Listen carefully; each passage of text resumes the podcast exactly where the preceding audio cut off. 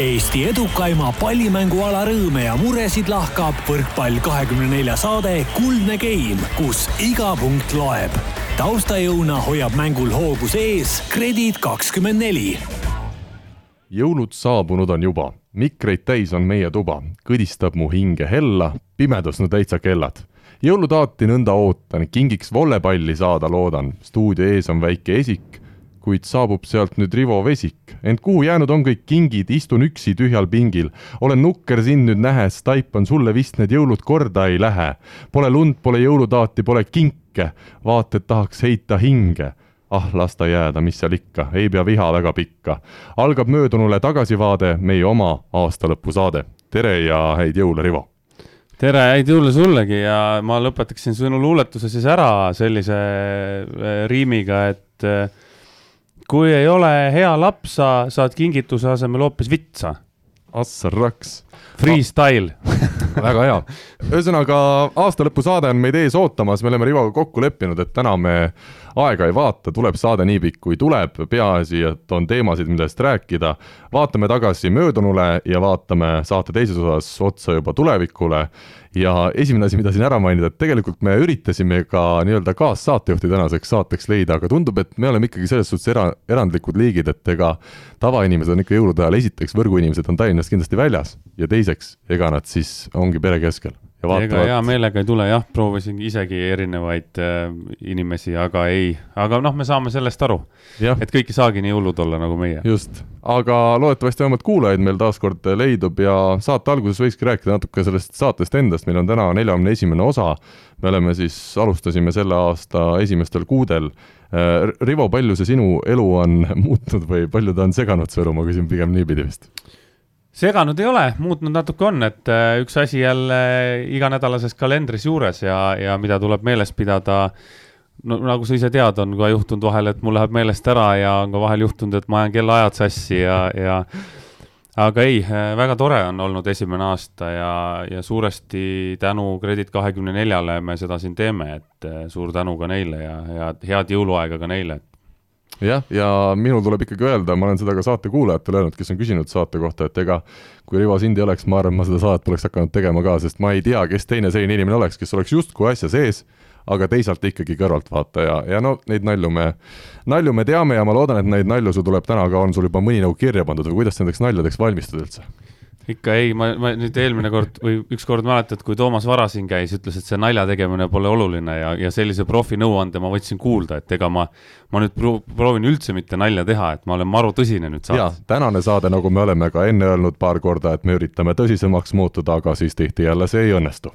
jah, kahjuks mitte jah ei ole minu isiksuses seda, et ma nüüd äh, saaks kogu aeg tõsise näoga vaadata seda mikrofoni ja rääkida. jah, ja nii palju kui tagasisidet ka mina olen saanud, siis tegelikult just, äh, mis nagu inimestele meeldib, öeldaksegi eelkõige see, et see saade ei ole julmalt tõsine, et me ei aruta seda võrkpalli asja alati sedasi maru tõsiselt, vaid me üritame seda võtta natukene ikkagi läbi huumori, sest kokkuvõttes on spordist ja võrkpallist elus palju tähtsamaid asju ja see sport on ju suuresti ainult meelelahutus, kuigi loomulikult sportlased, kes seda hingega teevad, nende jaoks on enamat absoluutselt jah, aga, aga mina arvan, et ega sport äh, üdini tõsine ei peagi olema, et äh, nagu sa ütlesid, tegemist on ikkagi meelelahutusega.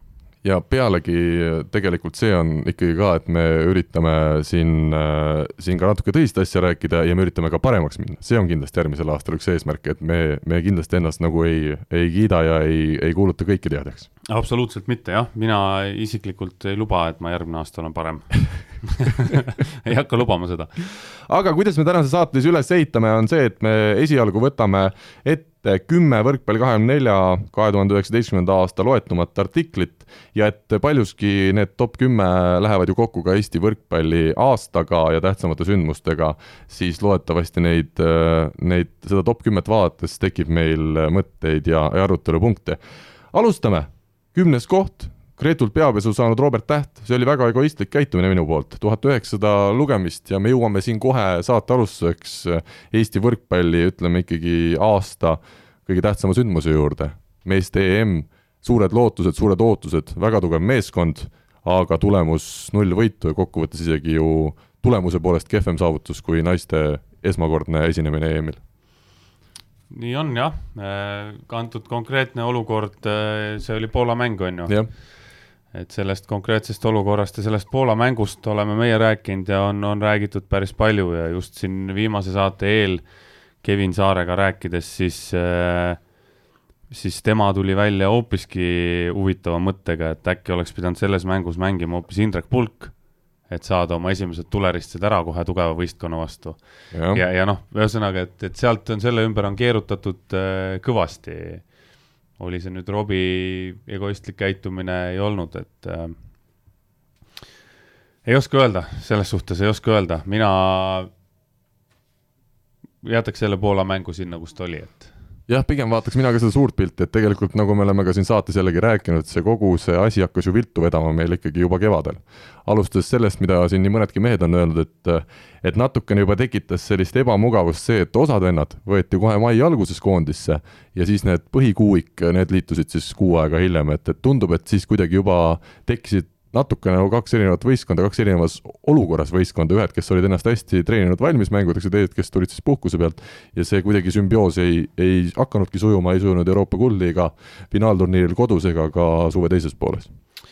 Sellega nüüd jah, kui tagasi vaadata, vaadata tagasi ja on olnud aega ka natuke analüüsida, siis äh, kas saab öelda nüüd, et treeneri vigu oli palju, aga kindlasti kuskilt, ma arvan, et Gretu on ka sellega nõus, et kuskilt mingid vead sisse tulid ja, ja ja võib-olla ka see situatsioon, et ikkagi ta oli ka jäänud pikaks koondise juurde, et võib-olla, võib-olla oli see ka üks nendest faktoritest, et igal juhul kõik see kokku andis selle tulemuse, mida me siis augustis nägime või septembris, et mis, mis kahjuks ei olnud kõige parem ja nagu me ka sinuga siin eetriväliselt juba rääkisime, siis tundus, et Gianni natukene see aasta hakkas ka nii-öelda otsima seda autoriteeti või ütleme, ta ei olnud enam, see meeskond ei olnud tal enam nii hästi käes nagu mingid aastad tagasi, et, et mis on jälle ühes mõttes nagu paratamatu, aga, aga teisalt jah, tekitab äh, mingeid jälle küsimusmärke. no jaa, aga seda autoriteedi otsimist, nagu ma ütlesin, ta nii pikaks jäänud, on ju, et seda autoriteedi hoida on, on raske äh, ja otsida teda, kui ta korra on läinud, et ega seda nagu üles ei leia, et ükskõik, mis liigutusi sa seal teed siis, et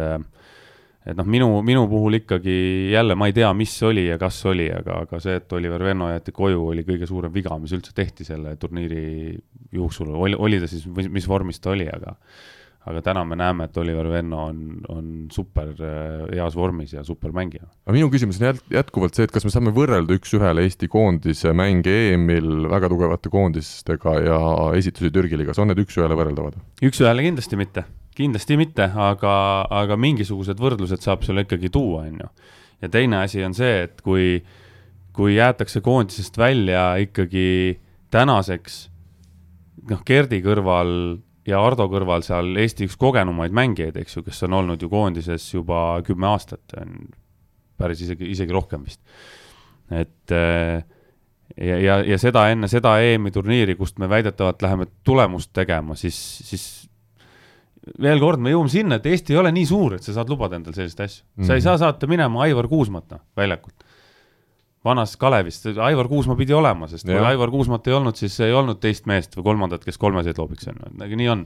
aga jätkates sellesama teema pealt, sa ütled, Eesti ei ole piisavalt suur ja samas me peame ju tõdema, et meil ei olnud ei Rene Teppan, ei olnud kindlasti heas vormis EM-il ja kui meil ongi põhidiagonaal, põhiründaja on, on täiesti, ütleme, oma mängu, mänguliimist lahti, pluss veel on näiteks selline mees nagu Andri Aganits, kes oli äsja või siis natukene varem väga pikast vigastuspausist taastunud, kindlasti olnud oma parimas vormis, vormis. Seal oli ilmselt paar venda veel sellises seisus ka, kes teab, võib-olla Robert Täht ikkagi ei olnud seal sügisel oma parimas vormis, siis see kokku annabki tegelikult sellise tulemuse jah, ja, ja, ja no nagu ma ütlesin, palju mingisuguseid selliseid väikseid asju, mis kokku annab siis, siis suure kehva tulemuse, et no vot, aga me jõuame koondisest äh, saate teises osas kindlasti veel rääkida ja ka siin isegi esimeses osas ilmselt mõned sõnad, nii et äh, võtame ette järgmise koha. number üheksa, Eesti meistritiitel Pärnu ettevõtjaid ei köida, klubi võttis aja maha, kaks tuhat lugejat. Äh, see siis puudutab seda Eesti klubi võrkpalli hetke nii-öelda kurba seisu, et kui me Saaremaa võrkpalliklubi kõrvale jätame, siis ikkagi teistel klubidel on oluliselt keerulisem, kui võtame näiteks kümme aastat tagasi täna tegutseda ja, ja hakkama saada. Või on ootus liiga kõrgeks pandud, see on teine variant kust, kust otsast vaadata, on ju, sest äh, vaadates, ma ei, ma ei tea nüüd nende välismängijate hinda, on ju, vaadates tänast Eesti liigat ja välismängijate arvu, siis äh, minul küll ei jää mingit muljet, et Eesti klubidel oleks rahadega probleeme. tuuakse ja viiakse neid ja proovitakse ühte, proovitakse teist, kolmandat, Pärnus on, ma ei tea, neli välismängijat täna või kolm, on ju. Tartus üks, äh, Saaremaal ka vist neli, äh, et välismängijaid on tegelikult Eesti liigas palju. aga küsimus, mis hinnaga nad tulevad? vot seda ma ei tea, see, see ongi see asi ja ja teine pool, noh, mis on, mis on tõde ka, et ega ettevõtjaid, mina ise, ise, kui mina kui ettevõtja, ka mina saan, meie saame Terasega neid, et aidake ja toetage ja sponsoreerige ja tehke, me saame neid ikkagi päris palju, neid email'e. ja me ütleme ikkagi enamustele ka ära, sest, sest esiteks no ongi, väga konkreetselt öeldes, reklaamiväljundit seal ei ole, meie jaoks ei ole sellest kasu. Ja päeva lõpuks on ju ikkagi see, et eh, ega see toetaja ei anna sulle sada tuhat ja ütled, ah, ma ei taha midagi sealt vastu, et et, et nii kahjuks on, eh, võib-olla siin tulebki klubidel natuke rohkem teha tööd ja kuidagi seda kogukonda hakata kasvatama ja selle kaudu minna, et mulle näiteks see see korvpallis see roki, uus, uue roki teema väga meeldis, et kaasataksegi inimesi, kes on reaalselt, kes tuleksidki sul pärast ka saali mängima, vaatama mänge, on ju. aga tead, samas ja... ma tean nii palju, et Tanel Tein on ka selline päris hea PR-mees, et äh, ja, mulle tundub, et seal on natukene, see ei ole see teema ei ole päris nii ühe, ühepoolne, nagu sealt roki poolt on jäänud mulje ei no Tanel Tein on turundaja, ta on äh, turunduse mees ja, ja see ongi see, millest, mida ma tahtsingi öelda, et, et äkki peavad klubid nagu siis panustamagi rohkem ka sinna turunduse poole peale. et siis nad on väljapaistvamad ja, ja, ja saavadki rohkem publikuid saali ja saavad ka, saavad ka oma igasuguseid Facebooki asjade numbrid ülesse, mida täna tegelikult, mis täna tegelikult toetajat huvitavad, et äh, aga just see kogukonna teema, et, et see minu jaoks ta sidus ära nagu kaks asja, et kui me räägime, et meil ei ole saalis publikut, on ju, kui sa kaasad sinna kuussada, seitsesada inimest, siis nendest pooled tulevad sul iga mäng ikka kohale, et sul on juba publik olemas, sul on juba mingi piletitulud ja kõik asjad, asjad, nii edasi, on ju, et et, et seda, see võib-olla, võiks olla üks asi, mida Eesti klubid võiksid proovida. jaa, ja mulle tundub, näiteks Tallinna Selveris on nüüd äh, Gerda Kiisa, endine Ants, Ants Kiisa, ehk siis meie parima kuulitõukaja tütar on nii-öelda see kogukonna juht siis, ja, ja ta on tegelikult ka, ka minult uurinud näiteks, mida sotsiaalmeedias teisiti teha või paremini teha, et et äh, esiteks see on väga tervitatav. Selveri mängudel on ju publikut küll. no võiks rohkem olla kindlasti. no ma olen muidugi vähe käinud, vist kolm korda olen käinud ja seal oli, ikka, ikka oli ikka publikut. aga mina olen ka seda meelt, et kui mängijad võttagi iga nädal näiteks kord nädalas, kõik mängijad lähevad Selverisse kuskile näiteks kutsuma mängule, esimest korda, eks ole, tasuta mingi vaba pääse, et sa pead ikkagi väga isik-, isiklikult lähenema nendele inimestele. see, aga see on probleem, see on olnud probleem äh, päris pikka aega just mängijate poole pealt, Pärnu kusjuures kasutab seda oma plakatite ja asjade peal mängijaid päris palju. aga ise teades ise Selveri poole pealt, ega need mängijad ei lähe, nad ei taha minna. Nad ütlevadki, et noh, meil siin oli mingi hetk, et äh, davai, et saame, teeme, lähete Kuldvillakusse, on ju, lähete sinna, sinna, sinna, mingid asjad olid õhus, variandid. mängijad ütlesid, nad ei taha minna, noh, ja siis, siis ongi see, et äh, tekibki see situatsioon, et mängija tahab palka, aga selle jaoks, et ta palka nagu juurde saada, selle jaoks tema midagi peale mängimise teha ei taha mm, -hmm. mis tegelikult ju noh, kui me võtame mingid suuremad äh, välismaa klubid ja, ja kuidas nagu see päris profisport käib, on ju, siis ega seal sinu käest ei küsita, kas sa tahad või tahad, sul on see lepingus kirjas. kui sa pead kanakostüümiga jooksma ümber väljaku, sa jooksed kanakostüümiga kaks korda ümber väljaku, sinu lepingupunkt on täidetud. et keegi ei hakkagi küsima, et, et mängijad võiks, võiks rohkem aru saada sellest, et kogu see klubi heaolu ja see, see ei ole ainult võrkpallimäng väljakul. et väljaspoolset tööd on vaja teha väga palju ka nende poolt ja tegelikult me ei räägi ju siin mingitest meeletutest massidest, ütleme, kui Selveri mängul näit-, noh, me võtame siin Selveri praegu lihtsalt näitena, ükskõik millisest klubist rääkida. kui siin oleks näiteks kakssada inimest iga mäng rohkem publikus, see oleks hoopis teine asi ka klubile, ütleme, sissetuleku osas, aga teisalt ikkagi ka mängu osas, et see publiku tunne tekiks, mitte ei ole nii, nagu siin Jelgavaga vahel on mäng, et sada pealtvaatajat ja, ja tundub, et kelle jaoks seda mängu üldse tehakse. jaa, muidugi, ja, ja teine asi ongi see, et kui sa võtad nüüd need sel-, need, need ka konkreetselt Selver näite, on ju, Selveris on äh, kõige vanem mängumees on Reimo Rannar, kui ma ei eksi, eks ju, kes on kakskümmend või kolmkümmend. kolmkümmend vist nüüd umbes. kolmkümmend sai vist hiljuti jah, et äh, ülejäänud on kõik kahekümne sinna alla kahekümne viie, kaasa arvatud Orav, kes on seal eluaeg olnud äh, üks äh, mängupäeva, üks äh, repost äh, Facebookis, noh. ja see, see asi jõuab sul, iga mehe, iga mees teeb seda korra ja see asi jõuab sul nelja tuhande inimeseni, väidetavalt mm. -hmm. eks ju, kui me vaatame mingit aga see on jälle ka väide, et äh, minu arust, et sellest postitusest üldse, üksi ei pruugi piisata, sest tänapäeval tuleb nii palju sulle internetist igast asju sisse, kutsutakse igale poole, event'id on, värgid, aga see peab nüüd kuidagi sellele inimesele ka mõjuma, et sellepärast mulle tundub, et see isiklik lähenemine kuskile poodi minemine, ütlemegi tere, minu nimi on Mattias Middle. see on teine, see on juba ja. teine pool sellest, et see, need, neid asju saab kõike teha korraga mm. -hmm. Et jõudagi selles suhtes, sa ütled väga hästi, et jõuda nagu kogu sellest massist paista välja ja siis, siis noh, sa peadki, pead tegema nii Facebookis, Instagramis, minema poodidesse, käima koolides, käima möllama, tutvustama oma klubi ennast ja, ja võrkpalli. ja samas siin tuleb jälle see asi mängu, et kui ongi klubidel üldse, ütleme rahaliselt suhteliselt keeruline, siis näiteks mingisuguse sotsiaalmeedia tegija, mis tegelikult inimesed ei hooma seda, kui sa tahad sotsiaalmeediat korralikult teha, siis see võtab väga kõva aja. et, et, et kõik seda teha, siis jääb jälle ilmselt natukene raha väheseks, meil tegelevad sellega tihti kas mingid mängijad ise või siis klubi mänedžer, et see ongi arusaadav, et seda kõike ei jõua nii hästi teha, nagu, nagu tahaks jah, mina arvan, et see ei peaks olema üldse klubi mänedžeri töö, et kui me teame kõik suur, jalgpallurite suurt projekti, kus ongi kogukonna juhid, on ju, kes saavad UEFA-lt palka või kust iganes mm -hmm. välismaalt, on ju. ja, ja jalgpallis räägitakse, et oi, vaata, et meil on nii palju publikut, noh, loomulikult, et ma usun, et kui teistesse spordialadesse samamoodi investeeritakse raha ja iga võistkonna juurde võetakse üks inimene, kes teeb päevast päeva selle nimel tööd, et oleks publikut ja tema käest on ka võimalik nõuda, öelda, et kuuled, et me oleme nüüd pool aastat oled teinud, et meil on jäänud seitseteist inimest vähemaks selle asemel, on ju, mis peaks juurde tulema. et kui sellest luuagi nagu reaalne töökoht, et siis loomulikult peavadki tulemused olema, et iga üht, ühtegi tööd ei tehta sellist, kust ei ole tulemusi, sest lihtsalt saad kinga mm. -hmm. aga kui neid võimalusi ei ole, nagu sina ütled, siis noh, Pärnu mänedžer Reijo Tilk postitab Facebooki, koputab sponsorite ukse peale, trikib, trükib särke paneb võrku üles, ma ei tea, mida veel, pumpab palli, on ju, ja, ja toob poistele Sportlandist uusi tossupaelu, siis, siis sa ei jõuagi, noh, see, see konkreetselt, sul ei jää aega selleks, et sa jõuaks nagu mm. midagi mi,, midagi teha ja kellegini välja. Aga kas see stipendiumide teema ka võib puudutada võrkpalli, me oleme siin Kalev Cramo meeskonda kuulnud rääkimas, et kui see seadus läbi läheb, siis Kalev Cramo tegevus võib-olla saab, saab läbi selle hooaja, kas see võrkpallureid mõjutab nii kõvasti samuti või me ei ole siin kumbki sinuga veel nii hästi kursis nende teemadega? ma arvan, et see on natuke üle dramatiseeritud, see ka Kalev Cramo teema. On üks asi, teine, teine pool on see, et minu arust on see õige, kui sul on välismängijad ja nemad, nende pealt maksta maksu on okei. Okay..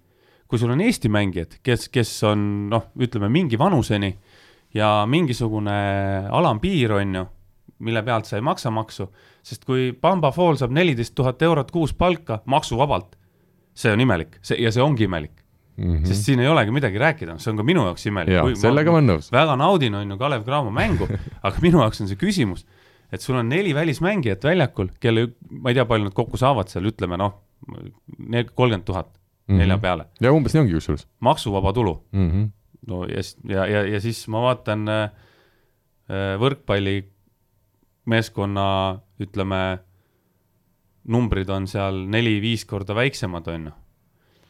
ja et, et noh, see, see pool, mina olen sellega nõus, et välismängijad saavad palka mm. -hmm. Eesti mängijatega võiks olla mingisugune teine diil, tõesti, et nagu Eesti mängijaid hoida ja, ja anda neile mingit võimalust, on ju kas siis siduda kuidagi ära ülikoolidega see või, või tehagi nagu siis stipendium stipendiumiks.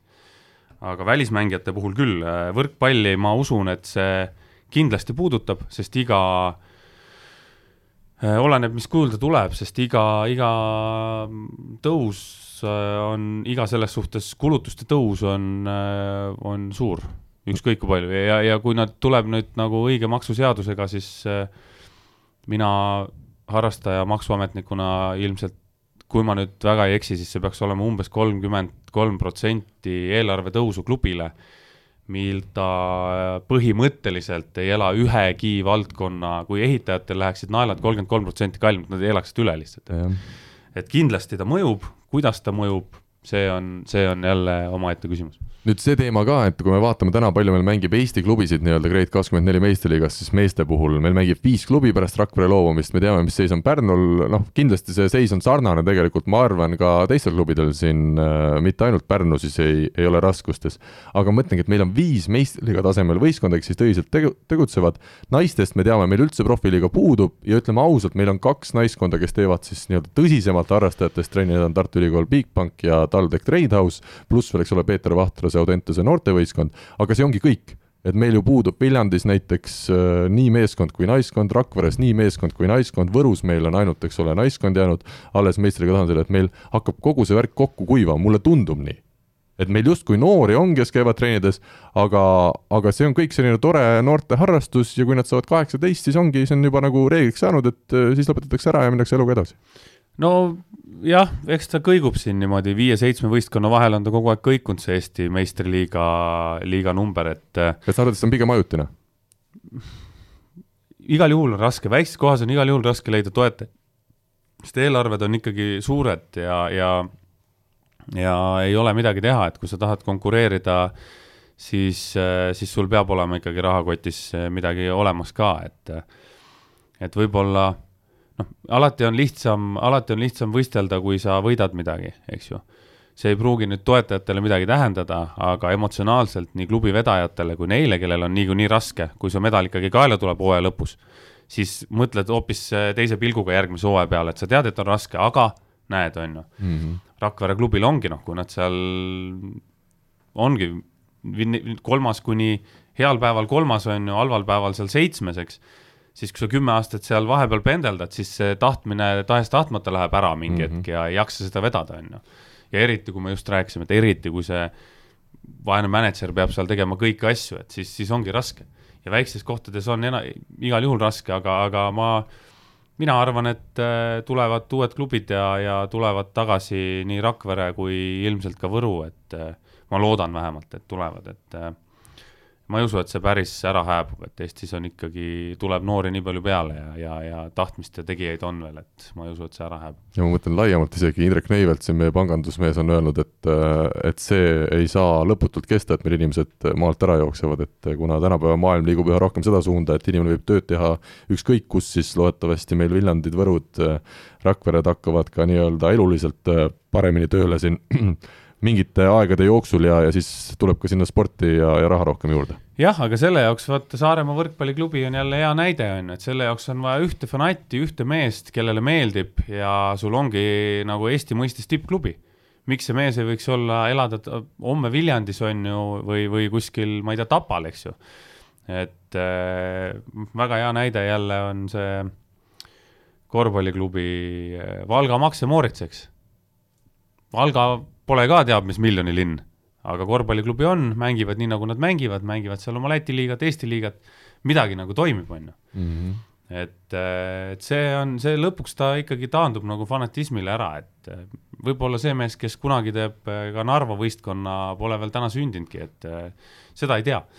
jah, aga läheme edasi seitsmes koht, tähendab kaheksas koht, vabandust, elu tippvõrkpallurina Saaremaa võrkpalliklubi juures käisin siis kolm päeva ja selle esikümne kõige suuremad üllatused ongi minu arust, äh, noh, siin tegelikult kaks lugu sellest, äh, sellest kolmesest seeriast siis mahtusid siia tabelisse, et äh, kaks tuhat kakssada lugejat kõigil kolmel artiklil ja ja mina küll ei eeldanud, et see nii populaarseks kujuneb, et mis siis ikka ära ei ole, ikka on käidud kuskil trennis, aga, aga tundub, et võrkpalliinimesi huvitas. inimesed tahtsid näha, et sa fail'id. Lugeda, oi, mul oli seal nii raske ja, ja ma ei saanud hakkama aga ei saa tugev, tugev poiss, sa said ilusasti hakkama seal nagu. seal peaks tegema teise osa, siis kui ma lõpuks pallitrenni jõuan, ma arvan, siis, siis tuleb see osa. peaks seilin. mingi videoblogi tegema sellest rohkem, siis oleks kindlasti rohkem vaatajaid, et eh, kusjuures ma ise lugesin ka kõik need eh, jutud läbi ja, ja oli tõesti noh, põnev, et ega ju, ega see tavainimene, kuidas ta muud moodi sinna profisportlase päeva või ellu nagu sisse vaadata saab, et eks mm -hmm. ikka teiesuguste ajakirjanike kaudu mm. -hmm aga ei, siin on juttu olnud ja ma juba mõtlesin, et siis kui Pärnul vahepeal oli ainult üks nurgamees oli trennis, et ma olen ise kohal ilma Aavo käest küsimata, ma arvan, et ta väga nukker ei oleks, et vähemalt on mõni nägu juures. see on muidugi väga hea mõte, et võiks, äh, vaata, ma rääkisin, kunagi arutasime ka seda teemat, et võiks kõikide klubide juurest korra läbi ja. käia, et kas sina üksinda või siis kahekesi, et teeks mm, -hmm. teeks nendega trenni kaasa ja, ja siis teeks pikema intervjuu, et, et see on, see on väga tore mõte. nii et me julgeme kuulajatele, lugejatele lubada, et ilmselt sarnaseid asju on lähitulevikus tulemas, aga millal ja mis moel täpselt, seda veel täna on vara öelda. Läheme edasi, seitsmes koht on nüüd üks Eesti võrkpalliaasta suursündmus, Eesti rahvusnaiskond jõudis esmakordselt EM-ile kaks tuhat nelisada lugemist ja no loomulikult jah, siin miks see miks see tulemusuudis siis ei ole kõrgemal, on ilmselt sellepärast, et paljud inimesed vaatasid ju otsemängu televiisorist või siis jälgisid kuskilt suurematest kanalitest, igal pool seda kajastati ja ja seetõttu äh, said inimesed ka selle info mujalt kätte, aga see polegi tänasel hetkel nii oluline, tähtis on see, et Eesti naiskond ikkagi jaanuarikuus tegi midagi erilist, äh, jõudis EM-ile ja ja mulle tundub, et see Eesti naiste võrkpalli ka selline teadlikkus ikkagi väga kõvasti muutus nii tavainimeste, inimeste seas kui ka võrkpalli sees olevate inimeste juures, siis et nad tänu sellele EM-ile hakatigi EM-i jälgima ja jälgiti lõpuks medalimänge ka mm. -hmm ja selles suhtes ma olen nõus, et Eesti naised tegid seekord parema EM-i kui Eesti mehed. ma ei taha küll seda suurt eufooriat kõigile alla tõmmata, aga, aga minu jaoks see kakskümmend neli võistkonda on liiga palju, noh, see ei ole enam see EM, millest, mis oli ennem, kuusteist et saavutus naiste puhul sellise võistkonnaga, kes on ikkagi poolamatöörid kõik, on ju, see on väga kõva saavutus ja ja Andrei ja, ja naised kasutasid ära seda võimalust, mis neile anti. see võimalus võib olla neil ükskord elus. täpselt see, kuidas seal jooksid asjad kokku, et küll oli üks mingi Tšehhi mängija puudu, on ju. siis oli soomlastel seal mingi jama ja, ja kõik need mängud, kuidas nad ikkagi vist oli kaks, kaks-null kaotusseisust võitsid Tšehhid kolm-kaks või midagi sellist, et et nad kasutasid täpselt selle võimaluse ära, mis neile anti mm. sellel päeval. ja homme võib-olla seda enam ei oleks olnud. ja nad tegid oma asja ära, said EM-ile ja EM-il mängisid ka nagu tõusvas joones, et äh, noh, nagu rääkisime ka siin, et oli näha, oli näha seda kogemuse puudumist alguses sellistel turniiridel ja naistel ikka käed värisesid seal päris mõnuga, aga mida päev edasi, seda paremaks läks ja mm, -hmm. ja viimane mäng Aserbaidžaani, oli Aserbaidžaan, eks ju? vist oli jah see oli, mis me kaotasime napilt. jah ja., oli juba ikkagi, ikkagi mängumoodi mäng moodi, ja, ja Aserbaidžaan ei ole ka teab mis nõrk võrkpalliriik mm. -hmm. seal on ka hästi palju sisseostetud mängijaid, et et naised olid väga tublid see aasta väga,, väga-väga tublid. sa ise hakkasid ka rohkem naiste võrkpalli jälgima või sa oled niikuinii seda jälginud palju?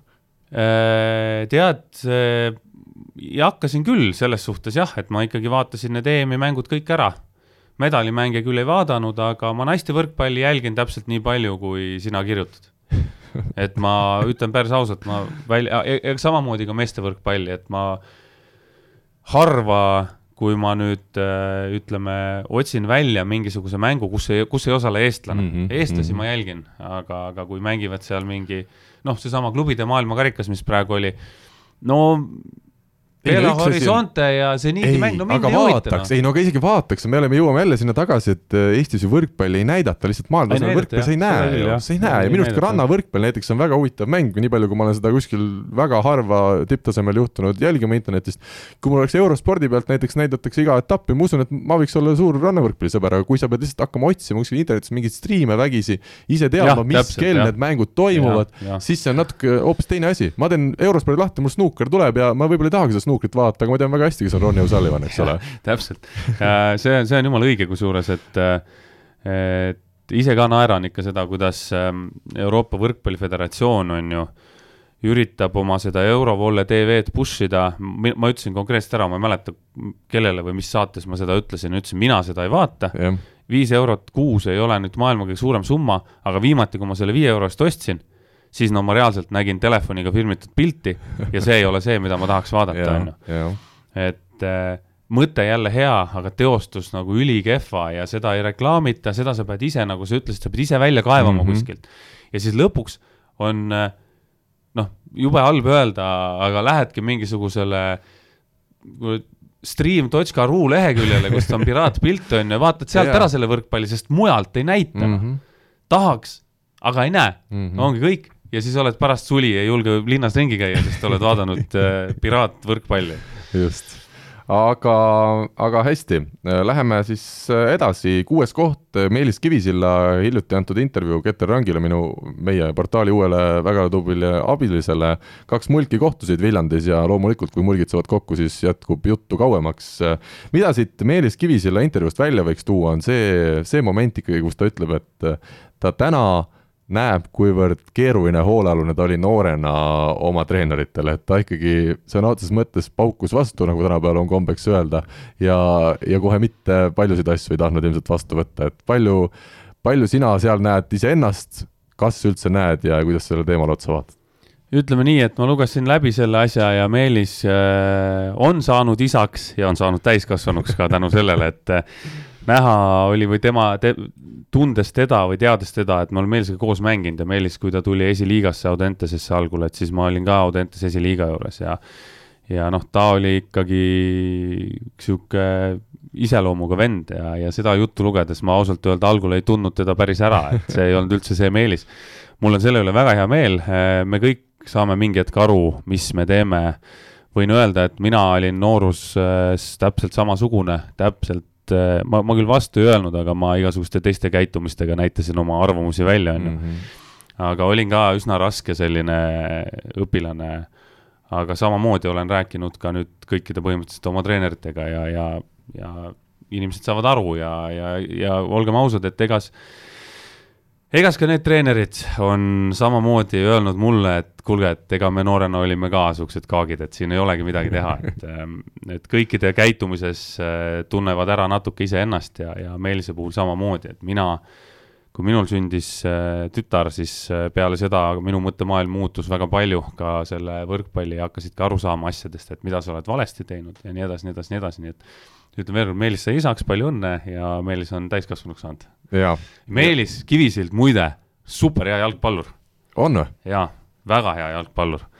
ta oli üks äh,, huvitav oli seda jälgida, et sinna Audentesesse, kes sinna tulid esiliigasse, noored läksid järjest hullemaks nii korvpallis kui jalgpallis. kõik, iga uus äh, punt, kes tuli, olid järjest hullemad kaikad seal. Meelis oli üks äh, eredaid mehi, kes pani kossu ja jalkat ja ikka nii hästi, et äh, ikka väga-väga hästi ja, ja veel selle teema jätkuks ma ütlen nii palju, et pigem vist las see inimene olla selline, kes põleb ja vahel lähebki treeneriga tülli, kui selline, et teda ei huvita mitte miski, mis seal väljakul toimub, et kui ta on täiesti tuim, siis vaevalt ta ka seda asja nii kõvasti armastab ja selle juurde nii-öelda väga tõsiselt jääb. jaa, pea täiesti nõus sinuga, et põlemist peab olema ja, ja iseloomu peab olema, et ikkagi tippsport on äh, väga egoistlik asi ta on väga-väga egoistlik asi, kui sa lased endale natukenegi pähe istuda, siis on sinuga kõik, et äh, et peab olema, seda peab olema, jah. nüüd on mul sulle üks küsimus kohe siia vahele, Meelise kohta. Meelis käis, õppis sotsioloogiat Tallinna Ülikoolis, tuli vene keele tund, tal oli vene keel oli kohustuslik aine seal. kes, kellest sai tema pinginaaber aastaks? Meelise pinginaaber. Vene keeles. Vene keel, kas ta oli venelane või? ei. ei olnud. ma loodan, et ei olnud ma teda tunnen ka päris hästi. vot ei oskagi öelda, ma ei oska isegi pakkuda, mis, kas ta on spordimees, ma küsin nii. no enda arust on, tegelikult ei ole. ei ole, aga mis spordialaga tegeleb? ta tegeleb ka võrkpalliga praegu, kunagi on tegelenud kergejõustikuga. ja teiste aladega ka. ta on Aha. siin äh, meie saates päris tihe külaline äh.... iga kord kohal sina või? aega võttis issand jumal, jõulud on läinud pikaks ja eks sa ilmselt eeldasid, et ma küsin kedagi kuulsat ja kummalist. keegi on spordiga ikka tegelenud, aga ma küsin siis sinu käest, kuidas teil läks? kas vene keel on selge nüüd? no немного не говорю, а чуть-чуть уже понимаю. normaalne. jaa, meil oli nii, et ma mäletan Meelisega nii, et minul oli aktsent nagu selline enam-vähem, et vene keele õpetajale meeldis ikka, et, et kuidas mina vene keeles nii-öelda räägin, aga, aga Meelis oli jälle see, kes nagu kodused ülesanded ära tegi, et mina jälle siis sain vastu päid jalgu. ja me kuidagi sobisime kokku, muidugi me kahe peale andsite normaalse venelase välja. just, ja me ikkagi võrgu asju sai seal kõvemini arutatud, et tihti see vene keele õpetaja ka mainis, et et võib-olla, võib-olla räägime vene keelest ka vahepeal, aga ei, me tõesti õppisime, mina olen seda alati öelnud, et koolis kuuendast kaheteistkümnenda klassini vene keelt õppides ma õppisin palju vähem kui ülikoolis selle ühe aasta tõesti, mil mina võtsin selle vaba ainena ja ma tahtsin sellest paremaks saada, et kui ikka inimene tahab, siis, siis, siis õpib ka. väga äge ja jälle saame saame teada, kui väike on Eesti. jah, just. Ja ma mäletan juba siis Meelis nägi ikka välja selline suur ja karm mees, aga kohe, kui kõrvuti istusime ja tuli välja, et veel samad huvid on, siis äh, jät-, jätkus juttu kauemaks ja siiamaani tihti suhtleme.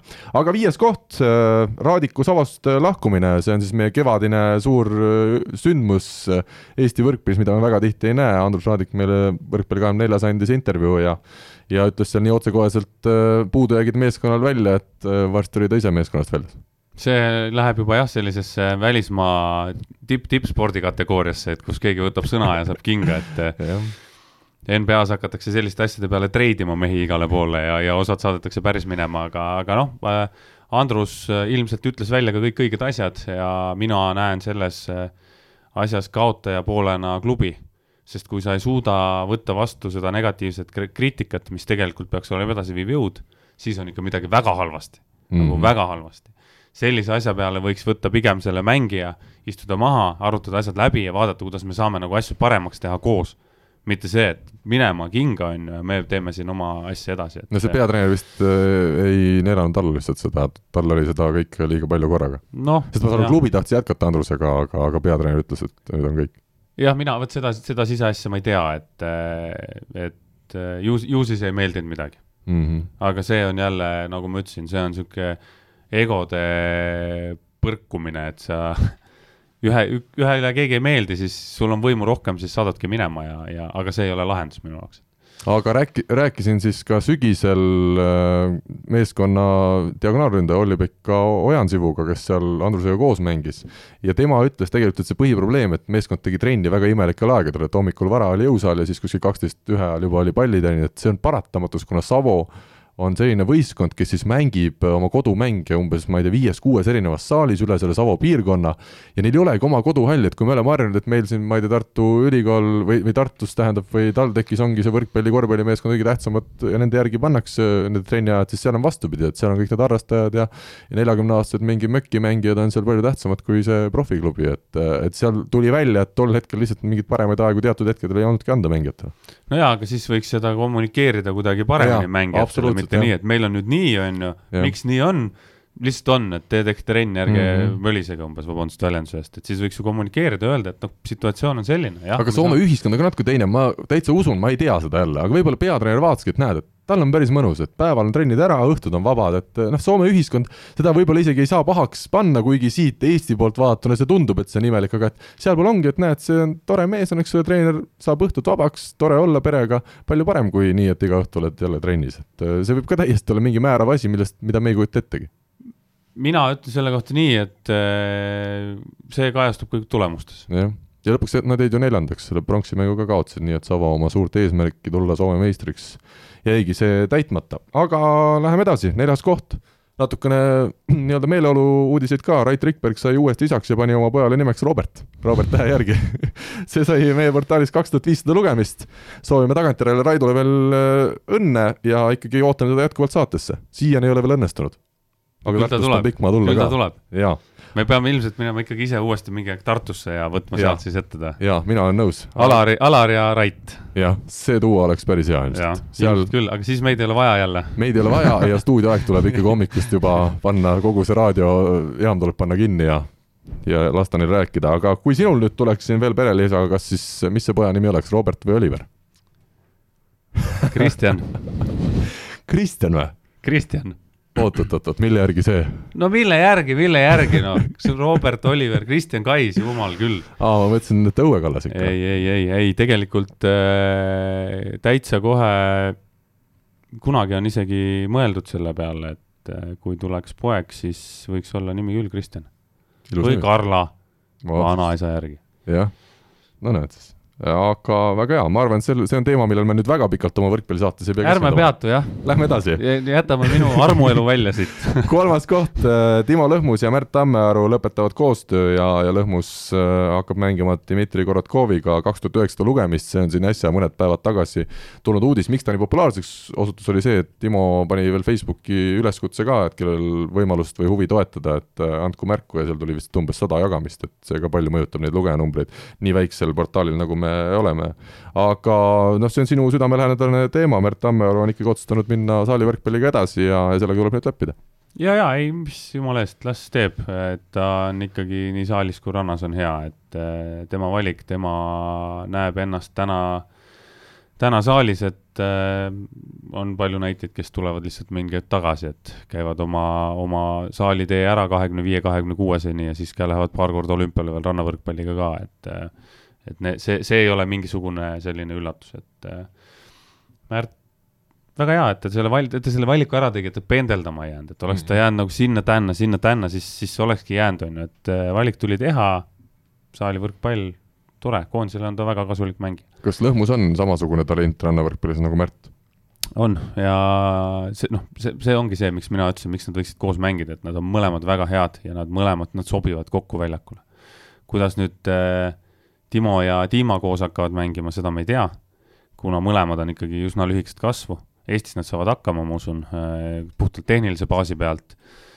välismaal läheb raskeks, kuna plokki, plokki on tarvis, noh, et siin ei olegi midagi teha. no aga tegelikult, kui me vaatame, Märt Tammearu ametlik pikkus peaks vist olema sada üheksakümmend seitse, Korotkovil on seal, ma ei tea, kas mõni sent äkki vähem või? tegelikult see vahe ei ole Märdiga vist väga suur. Korotkov ei ole ikka mingi üheksakümmend kolm no nii saab kohe vaadata, kas meil siin on sada üheksakümmend neli on ametlikult. no vot, see on senti. juba vahe, no ma arvan, et Märt on, kasvab, esiteks Märt kasvab veel paar ja. senti. teiseks ma arvan, et Märt on äh, ikkagi sinna kahe alla juba täna täis, et ta ja, ja ma arvan, et tema sinna kahe, kahe juurde kuskile jääb mm. -hmm. ja see oleks niisugune väga hea plokimängija juba ja, ja noh, nad Timoga sobisid nii hästi kokku, et äh, aga see selleks, Timo puhul ka hea meel ja, ja aitame nii palju, kui saame meie enda poolt ka ja, ja kõik, kes äh, leiavad, et tahaks rannavõrkpalli toetada ja, ja ühe nagu tõsise mehega, kes üle pika aja on Timo üks vend, kes ütles, et äh, ma tahan mängida rannavõrkpalli, on ju.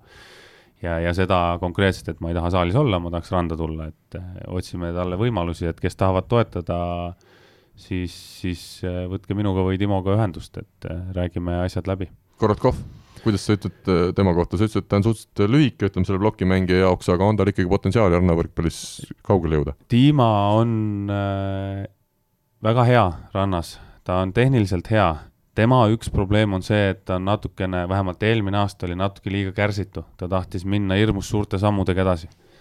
hirmus suuri ampse võtta, et et Dima peab natukene õppima ennast kontrollima selle koha pealt, et kõike kohe ei saa ja selle jaoks on vaja ikkagi tööd teha aga ta on äge tüüp, ta on väga äge tüüp, ta teeb südamega asja ja, ja ja noh, ma, ma huviga ootan, mis sealt tuleb, et Mardile Kustile nad ilmselt vastu ei saa täna veel, aga, aga noh, Eesti teine-kolmas nad peaksid ikka olema, et. minu küsimus on see, mis ma ka Timo Lõhmuse käest tegelikult küsisin, et kui tal ikkagi see järgmine aasta tuleb nii tihe veel saalivõrkpallis, ta peab Tallinna Selveriga mängima hooaja lõpuni, mis võib kesta sinna umbes maikuuni, siis tuleb veel edu korral juunioride EM, eks ole, suvel et kuidas tal üldse on võimalik rannavõrkpalli veel saalivõrkpalliga tõsiselt siduda siin sel, sel suvel?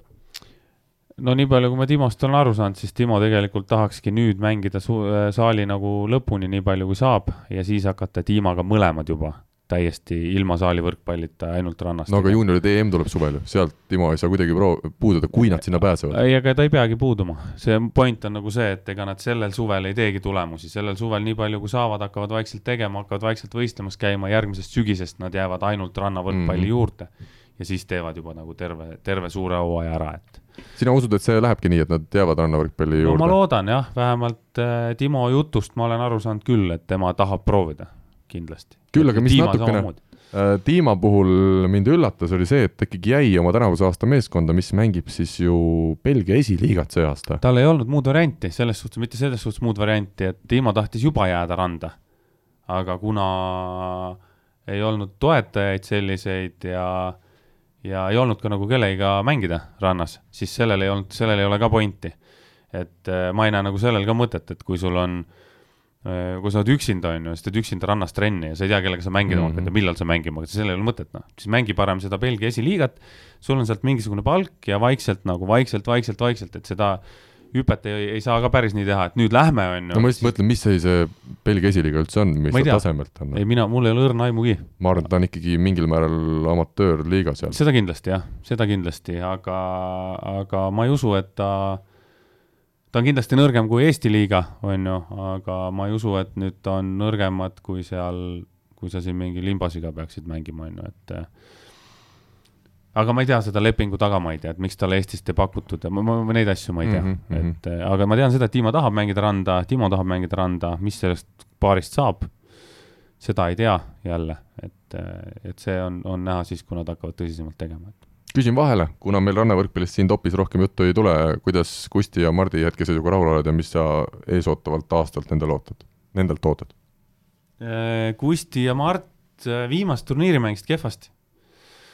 viimase turniiri mängisid hästi äh, nagu ebastabiilselt, et tegid äh, ühe väga hea mängu, ühe halva mängu ja ühe siukse sellise keskmise mängu. see viimane oli vist oktoobrikuus või novembri midagi algus mm. -hmm. jah, ja, ja noh, nende poolt ongi ikkagi see, et nad muutuks natukene stabiilsemaks oma mänguliselt ja nii palju, kui mina olen tähele pannud praegu nende, nende mängu, siis äh, mida pikem on nende mängupaus, seda raskem on neil alustada. on minu täheldus nagu see, et kui neil on niisugune iga nädal mängivad, siis nad mängivad järjest paremini, paremini, paremini, paremini. tuleb kuuajane paus sisse, esimesed turniirid neil on raske, et nad peavad nagu saama hoo sisse ja, ja noh, ongi stabiilsus, et nad ikkagi vaikselt oma kõikides elementides arenevad edasi. ja, ja noh, ma loodan, et ma loodan, et nad sinna Continental Cupi finaali saavad järgmine aasta. ja Mardil Kustil on selles suhtes äh, täitsa võimalus saada ka olümpiale, aga nad peavad tegema väga hea hooaja järgmise mis see nüüd lühidalt, hästi lühidalt, mis see tähendab, kuidas pääseda sinna olümpiale, kui me nüüd seda olümpia kvalifikatsiooniturniiri, kus nad mängivad koos siis Korotkovi ja Lõhmusega suure tõenäosusega, et kui me seda hetkel ei arvesta, et seal on ilmselt see konkurents ikka megatugev, et mis see maailma edetabelis? kusjuures ei ole, maailma edetabeli kaudu on raskem saada. jah? aga maailma edetabelis on nüüd nii, et järgmine aasta enne olümpiakvalifikatsiooni lõppu on veel üksteist suurt turniiri nii et seal mängida normaalselt, tulla kaheksa korda üheksandaks ja kaks korda viiendaks umbes, midagi sellist, et siis, siis saab läbi olümpia saab läbi maailmakarika etappide olümpiale. mis seal siis, kui kõrgel nad tabelis peaksid olema? Nad peaksid tabeliga. olema esimese, nad peaksid olema esimese kuueteist hulgas ja sinna saab maksimum kaks igast riigist oh ja see on seal mingid paarid langevad ära. jah, ehk siis nad peaks olema kuskil kahekümne nelja hulgas seal olümpia mm -hmm. midagi kahekümnendad. aga lihtsalt siis... praegu nad on paarkümmend kohta tagapool ja nad peavad ikkagi kõvasti. kolmkümmend neli äkki või? kõvasti parandama, jah. jah, aga vaata, võimalust on, palju etappe on, siis, siis nad saab, saavad nagu mängida, saavad mm -hmm. oma hoo ülesse. Continental, Continental Cupilt pääseda finaali on neil, ma arvan, ka väga hea võimalus, sest näiteks meie, venelased, me oleme ühes alagrupis nendega, on ju, venelased äh, me läheme noorte võistkondadega seda mängima, sest ja. meil ei ole vaja, meil on kaks võistkonda niikuinii peal. ja rohkem ei saa, eks ole enam. jah, ja finaali ei saa. et just, meie just. mängime noorte võistkondadega, kui nad saavad finaali, siis meid võetakse lihtsalt finaalist maha, kui nad ei saa finaali, siis me läheme lihtsalt selleks, et kogemusi mm -hmm. koguda mm. -hmm. lätlased samamoodi, ma arvan, lähevad noortega äh,. hispaanlased täpselt samamoodi. et seal on, selles Eesti alagrupis on, seal on kuus riiki vist või viis riiki ja kellest kolm poolakad ka on seal, kellest kolm on sellised, kes finaali põhimõtteliselt niikuinii ei saa, sest neil on kaks võistkonda juba peal. aga seal on mitu alagruppi siis? Äh, kolm. ja sealt ongi siis finalistid selguvad kolme alagrupi peale ja üks siis äh, lõpuks pääseb olümpiale või? Äh, jah, jah. üks koondis ehk siis üks paar lõpuks? üks paar jah mm, -hmm. või ka, kaks paari, kaks kuidas paari. see käib, kui nad ütleme, teevadki kõik superhead mängud, Lõhmus, Korotkov ja, ja Kusti ja Mart kuidas siis läheb see, viskate üki-kaki kommi-nommi või? alaliit otsustab tegelikult no., sest kõik olümpiakohad on alaliidu kohad, kõik, ükski ei ole nimeline, ükski ei ole nagu, aga seal on see, et noh, näiteks kui praegu Oleg ja me tulime maailmameistriks, nad said automaatselt sellega, said selle olümpiakoha mm. -hmm aga see on alaliidu olümpiakoht, nii et kui alaliit täna ütleks, et nemad ei lähe, siis nemad teist pääset püüda ei saa et ta on nagu selles suhtes natuke nagu nimeline, aga samas võib alaliit öelda, et äh, läheb äh, Rinaldo Vesik hoopiski, sest nad on kõvad võrkpalliteadlased, on ju, ja panevad seal kõigile kotti. ja, ja nii ongi. no sul, ma saan aru, Stojanovski on ükskord juba nii välja jäänud vist või? Äh, no ne, neil oli seesama Continental Cupi asi, et nad Continental Cupi võitsid ja siis alaliit otsustas, et mm -hmm. saadab vanemad mängijad, mitte nooremad, mis lõpuks oli õige otsus, et need tulid ja. viiendaks seal olümpiale, et tegid hea tulemuse, et selge. Äh, aga nii, nii on jah, sellega, et on, äh, Kanada mehed mängivad omavahel, meile öeldi samamoodi, et kui meil on kaks võistkonda, meil on praegu nii, et me võime jõuda kolme võistkonnaga sinna kuueteist hulka, on ju, punktidega, ilmselt jõuame ka, siis äh, teine ja kolmas võistkond mängivad omavahel. Ühe mängu, kes võidab, läheb tead, see on nii nagu Nõukogude Liidus oli, noh mitte nüüd sarnane, aga Nõukogude Liidus palju ju selgitati välja mingitele suurvõistlustele pääsejaid nii, et tehti megakõva konkurents enne suurvõistlust. Need mehed, no ma ei tea, ma tean siin kergejõustikus näiteid ja tegid oma supertulemused enne olümpiat vahetult ära, kuna nad pidid tõestama, et nad üldse pääseks sinna. ja siis lähevad olümpiale, on täiesti läbi, ei tule mingit kohta, kõik on pahased või kuulutatakse riigivaenlasteks ka, et mm -hmm. aga muidugi üks mäng vist ei ole nii hull. jaa, ei noh, aga see, see on jälle selline asi, et ega siin ei ole nagu õiget valikut see või võib-olla, kanadalased mängisid, on kolm aastat mänginud, kolm olümpiat on mänginud seda ühte mängu. ja ükskord oli, noh, ükskord oli nii, et ühe, ühe võistkonna mängija oli haige, oligi haige, tuli kolmkümmend kaheksa, kolmkümmend üheksa palavik, mängis oma mängu ära, kaotas, olümpiale ei saanud, on ju, ja siis pärast äh, rääkis, et oi, näed, et aga see on nii loll süsteem, on ju, et noh, ma olin haige mm. -hmm. aga ei olegi, siin ei ole sellist õiget valikut. paremat ei ole, jah. siit see ei ole, noh, ükskõik mm, -hmm. kui, kui on kaks võistkonda, kes konkureerivad, alaliit ütleb, et nemad lähevad, keegi on ikka pettunud. nii et minu arust ikkagi noh, kui midagi siin üldse õiget on, siis võikski mängida omavahel, tugevam läheb, kuidas sul päev on, see ei huvita kedagi mm. -hmm. selge, aga teine koht meie tabelis äh, Tammearude vanemate intervjuu, kolm tuhat ükssada lugemist, Reio Melton jälle, abilised teevad need kõige paremaid intervjuusid, nagu siit tabelist tuleb välja, et tundub, et ise pole suurt midagi sa pead sinna juurde kirjutama ikkagi Melton Rinaldo, nagu alati jaoks. tuua aga ühesõnaga, mis sellest intervjuust silma jäi, oli see, kuivõrd ikkagi erilised vanemad äh, on, on Siimul ja Märdil, kuidas lapsest saati on ikkagi see sport olnud esikohal ja kuidas tänase päevani, mil mõlemad mängivad meistriliigas Tartu Bigbanki ridades, käiakse mängudel, kõigil kodustel mängudel kaasas, et selliseid perekondi palju ei ole. siin on läinud see kohati äärmustesse, see värk ja, ja nii mõnedki inimesed võib-olla ütlevad, et kas see on üldse normaalne, nagu seal ka nende tuttavad või sõbrad olid öelnud, aga, aga samas selliseid peresid peab olema Ameerika värk rohkem selline. jah, kusjuures süsteemi osas jah, jah. ja. Äh, neid on, neid perekondasid, äh, õnneks ei ole neid mitte liiga vähe ja liiga palju ka, et äh, tõesti mõni hetk võib-olla mõtledki, et täitsa segased, aga, aga kui on, kui on selles suhtes mingisugune siht silme ees ja selle nimel tehakse nagu normaalselt süstemaatset tööd, on ju siis, äh, siis see, et sealt tulemus tuleb, on, võimalus on üsna suur ja, ja noh, täna on Tammerud näidanud muidugi, et et, et sealt mingi tulemus tuleb. milline see siis on, täpselt ei tea, aga, aga äh, see, see kõikide nende asjadega on minu soovitus kõikidele lastevanematele, ärge lolliks minge peast, ärge nagu hulluks minge asjadega, et kuskilt tuleb ikkagi kontrollida, aga nii palju, kui ma neid Siimu ja, ja Märdi ema-isa tean ja suhelnud olen nendega, siis nad on hästi normaalsed inimesed mm. -hmm. mida ma olen nüüd märganud, ma mäletan ise lapsena palju Soome vahet käies siin perekondlikel põhjustel, äh, oli see, et kui sa läksid seal korvpalli mingile mängule, kus mängisid umbes neljateistaastased poisid, siis saal rahvast täis, müüdi saiake, siis oli mingi sada pealtvaatajat, mina noh, kes ma olin siin mänginud tühjade tribüünide ees ükskõik mis mänge, mulle tundus see nagu müstika, et kuidas see võimalik on, et mina mäletan, minul käis lapsena, oligi mängudel eriti minu isa käis vaatamas ja seal oli veel Aleksei Tammiste, kes oma poega käis vaatamas, see oli kogu publik, mis meil korvpallimängul oli. et kas sina oled ka sellest ajast pärit, kui ikkagi sina seda ei mäleta, et sul oleksid ütleme, sugulased käinud mängudel? Ei. lapsena ma mõtlen. ema, kui me Pärnus mängisime, siis ema-isa käisid ikka vaatamas, et see. täitsa lapsena käisid mingid siuksed? ikka jah, ikka, ikka jah. noh, mul ema-isa mõlemad on hullud võrkpallifännid ka, et siin ema on siiamaani mängib võrkpalli yeah..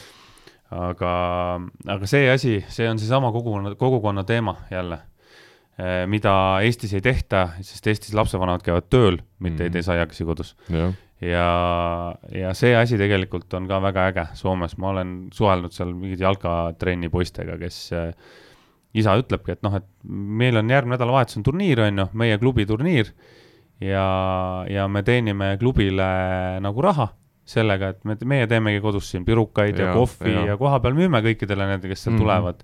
samamoodi noh, ma kunagi esimest korda kuulsin, ma ikka imestasin seda, et ne, nemad teenivad klubile, lasteklubile niimoodi raha, et nad ostavad äh, hulgilaost ostavad äh, klubi kaudu siis mingisuguseid noh, hambapastasid ja hamba, siukseid igapäevaseid asju, on ju.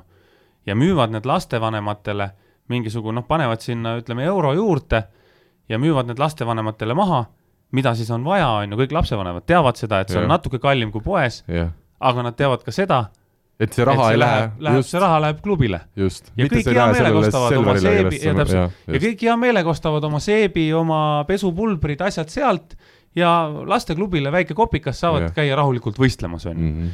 ja siis esimest korda kuulsin sulle, oh, et jumala hea mõte on et võiks Eestis ka sellist asja teha, aga Eestis vist on, oleme veel liiga kaugel sellest, et selliseid asju teha. no pluss on see teine aspekt, et kui sul ikkagi vanemad käivad vaatamas, siis ikkagi lapsel või tegelikult ükskõik mis inimesel ikkagi see annab nagu juurde, mina päris ausalt tunnistan, ma olen kahekümne seitsme aastane, ma mängin väga halvasti võrkpalli, ma mängin seal rahvaliigas, eks ole. seal käibki meil üks-kaks pealtvaatajat, aga kui mul on isa veel vaatamas, ma olen muidu suur spordihing ja, ja teen täiega. aga kui mul isa vaatab, see on noh, täiesti, ma olen veel rohkem, ma tean, et ma tahan tõestada ja näidata ja ma mängin nii, nagu see olekski mul mingi suur mäng.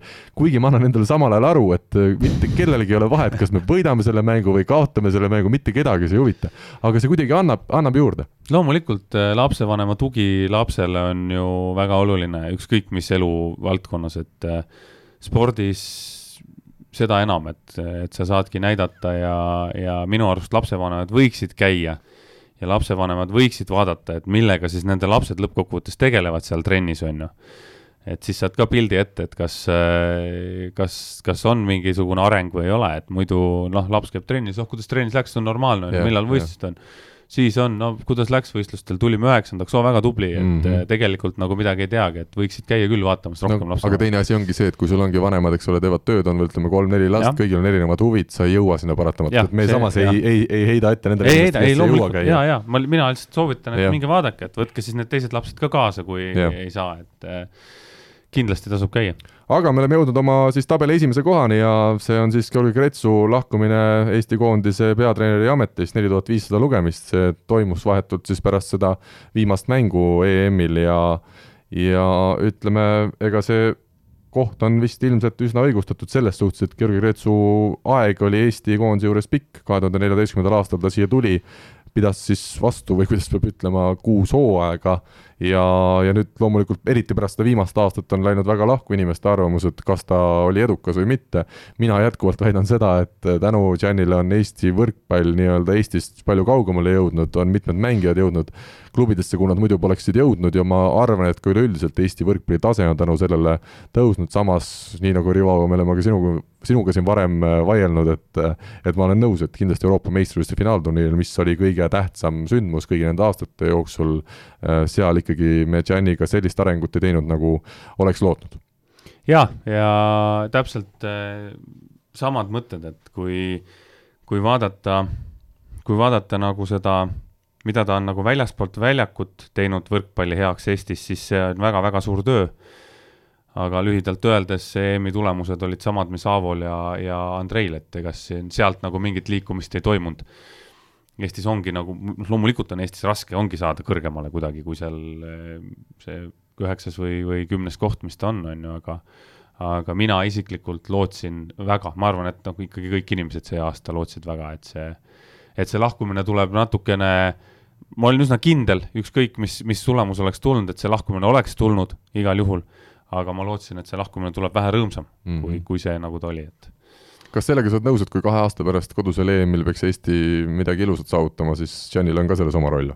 absoluutselt, loomulikult on temal oma roll, on Aavol, on, on Andreil, et kõik, kes, kõik, kes seda asja nagu kunagi siin vedama hakkasid ja, ja seda koondise poolt ka push ima hakkasid rohkem, et loomulikult on. Äh, ja mul oleks ilmselt kõigil väga hea meel ja minul ka väga hea meel, kui ta oleks ka kohal siin ja ilmselt ta ka on, et ma, mm. ma usun, et ta tuleb ise vaatama seda turniiri, kui ta ei ole mõne koondise peatreener, siis ta tuleb vaatama kindlasti või, või ta siis kutsutakse kohale, et mm. -hmm. nüüd tahaks teada, kes uus peatreener on?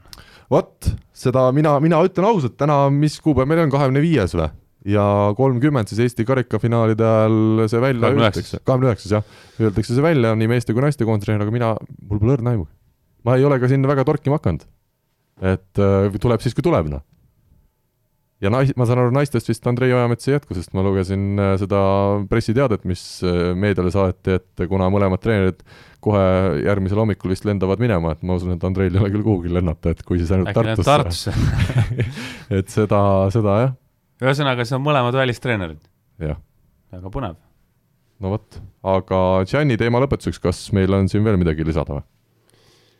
Äh, egas väga ei ole, Giannit ma nüüd olen jälginud äh, Venemaa laagris olles, ma ikka paari mängu vaatasin, et äh, just, ja ma tahtsin siit veel jätkata, et Gianni taseme puhul ikkagi räägib ka see päris palju, mis klubides ta on olnud, kui me vaatame siin Poola klubis, Poola klubi Rezovet, eks ole, täielik tippklubi, siis enne oli Belgorodis, nüüd on Kemerovas meeskonnas, kes on praegu Euroopa üks tugevamaid meeskondi, et noh, seda nüüd, seda juttu ma ei tahaks küll ei tahaks nagu rääkida või kuulda, et Gianni on halb treener, et siin on nagu pigem see, et võib-olla tegin mingid otsused valesti Eesti koondise juures mingitel hetkedel tähtsatel turniiridel. aga no mees, kes on absoluutsete tippklubide treener, ma ei, ma ei küll ei, minu nagu sõnad ei, ei ei, ei, ei seda. saa, ei saa kindlasti öelda, et Gianni on halb treener, et nagu sa ütlesid, et võib-olla mingid otsused just nüüd on ju, lõpupoole siin olid, olid natuke valed ja mingisugused käigud mis, äh, mis noh, samas jälle, kui me oleks, kui see on niisugune selline teema, et kui nüüd oleks kuldliigas peksa saanud, on ju, ja kõik siin oleks see hooaja algul olnud halb ja siis oleks EM-il jõudnud veerandfinaali, me täna istuksime, et ütleksime, et jube tubli on ju.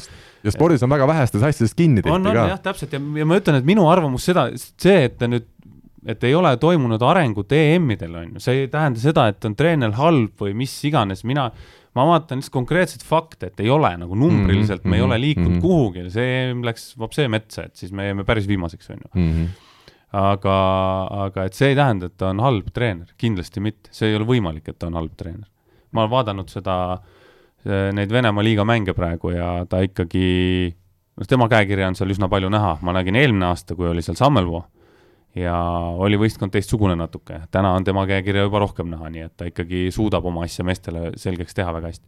Rivo, tead, palju täpselt praegusel hetkel näitab kell äh, meile arvuti peal saate kulumisest? tund. täpselt tund, nii et äh, läheme edasi ja võtame järgmise rubriigi küsimusmängu toetaja on teamshield.com oma disainiga spordi ja vaba aja riided olgugi, et on tegu erisaatega, siis ikkagi küsimusmängust ei taha me lahti öelda ja tuletame siis meelde eelmise nädala küsimust. küsisime, mitu treenerit alates noortetreeneritest on Kevin Saarel kogu karjääris klubi tasandil olnud ja õige vastus oli siis kolmteist ja ütleme kõik need nimed ette ka, et ei jääks midagi juhuse oleks.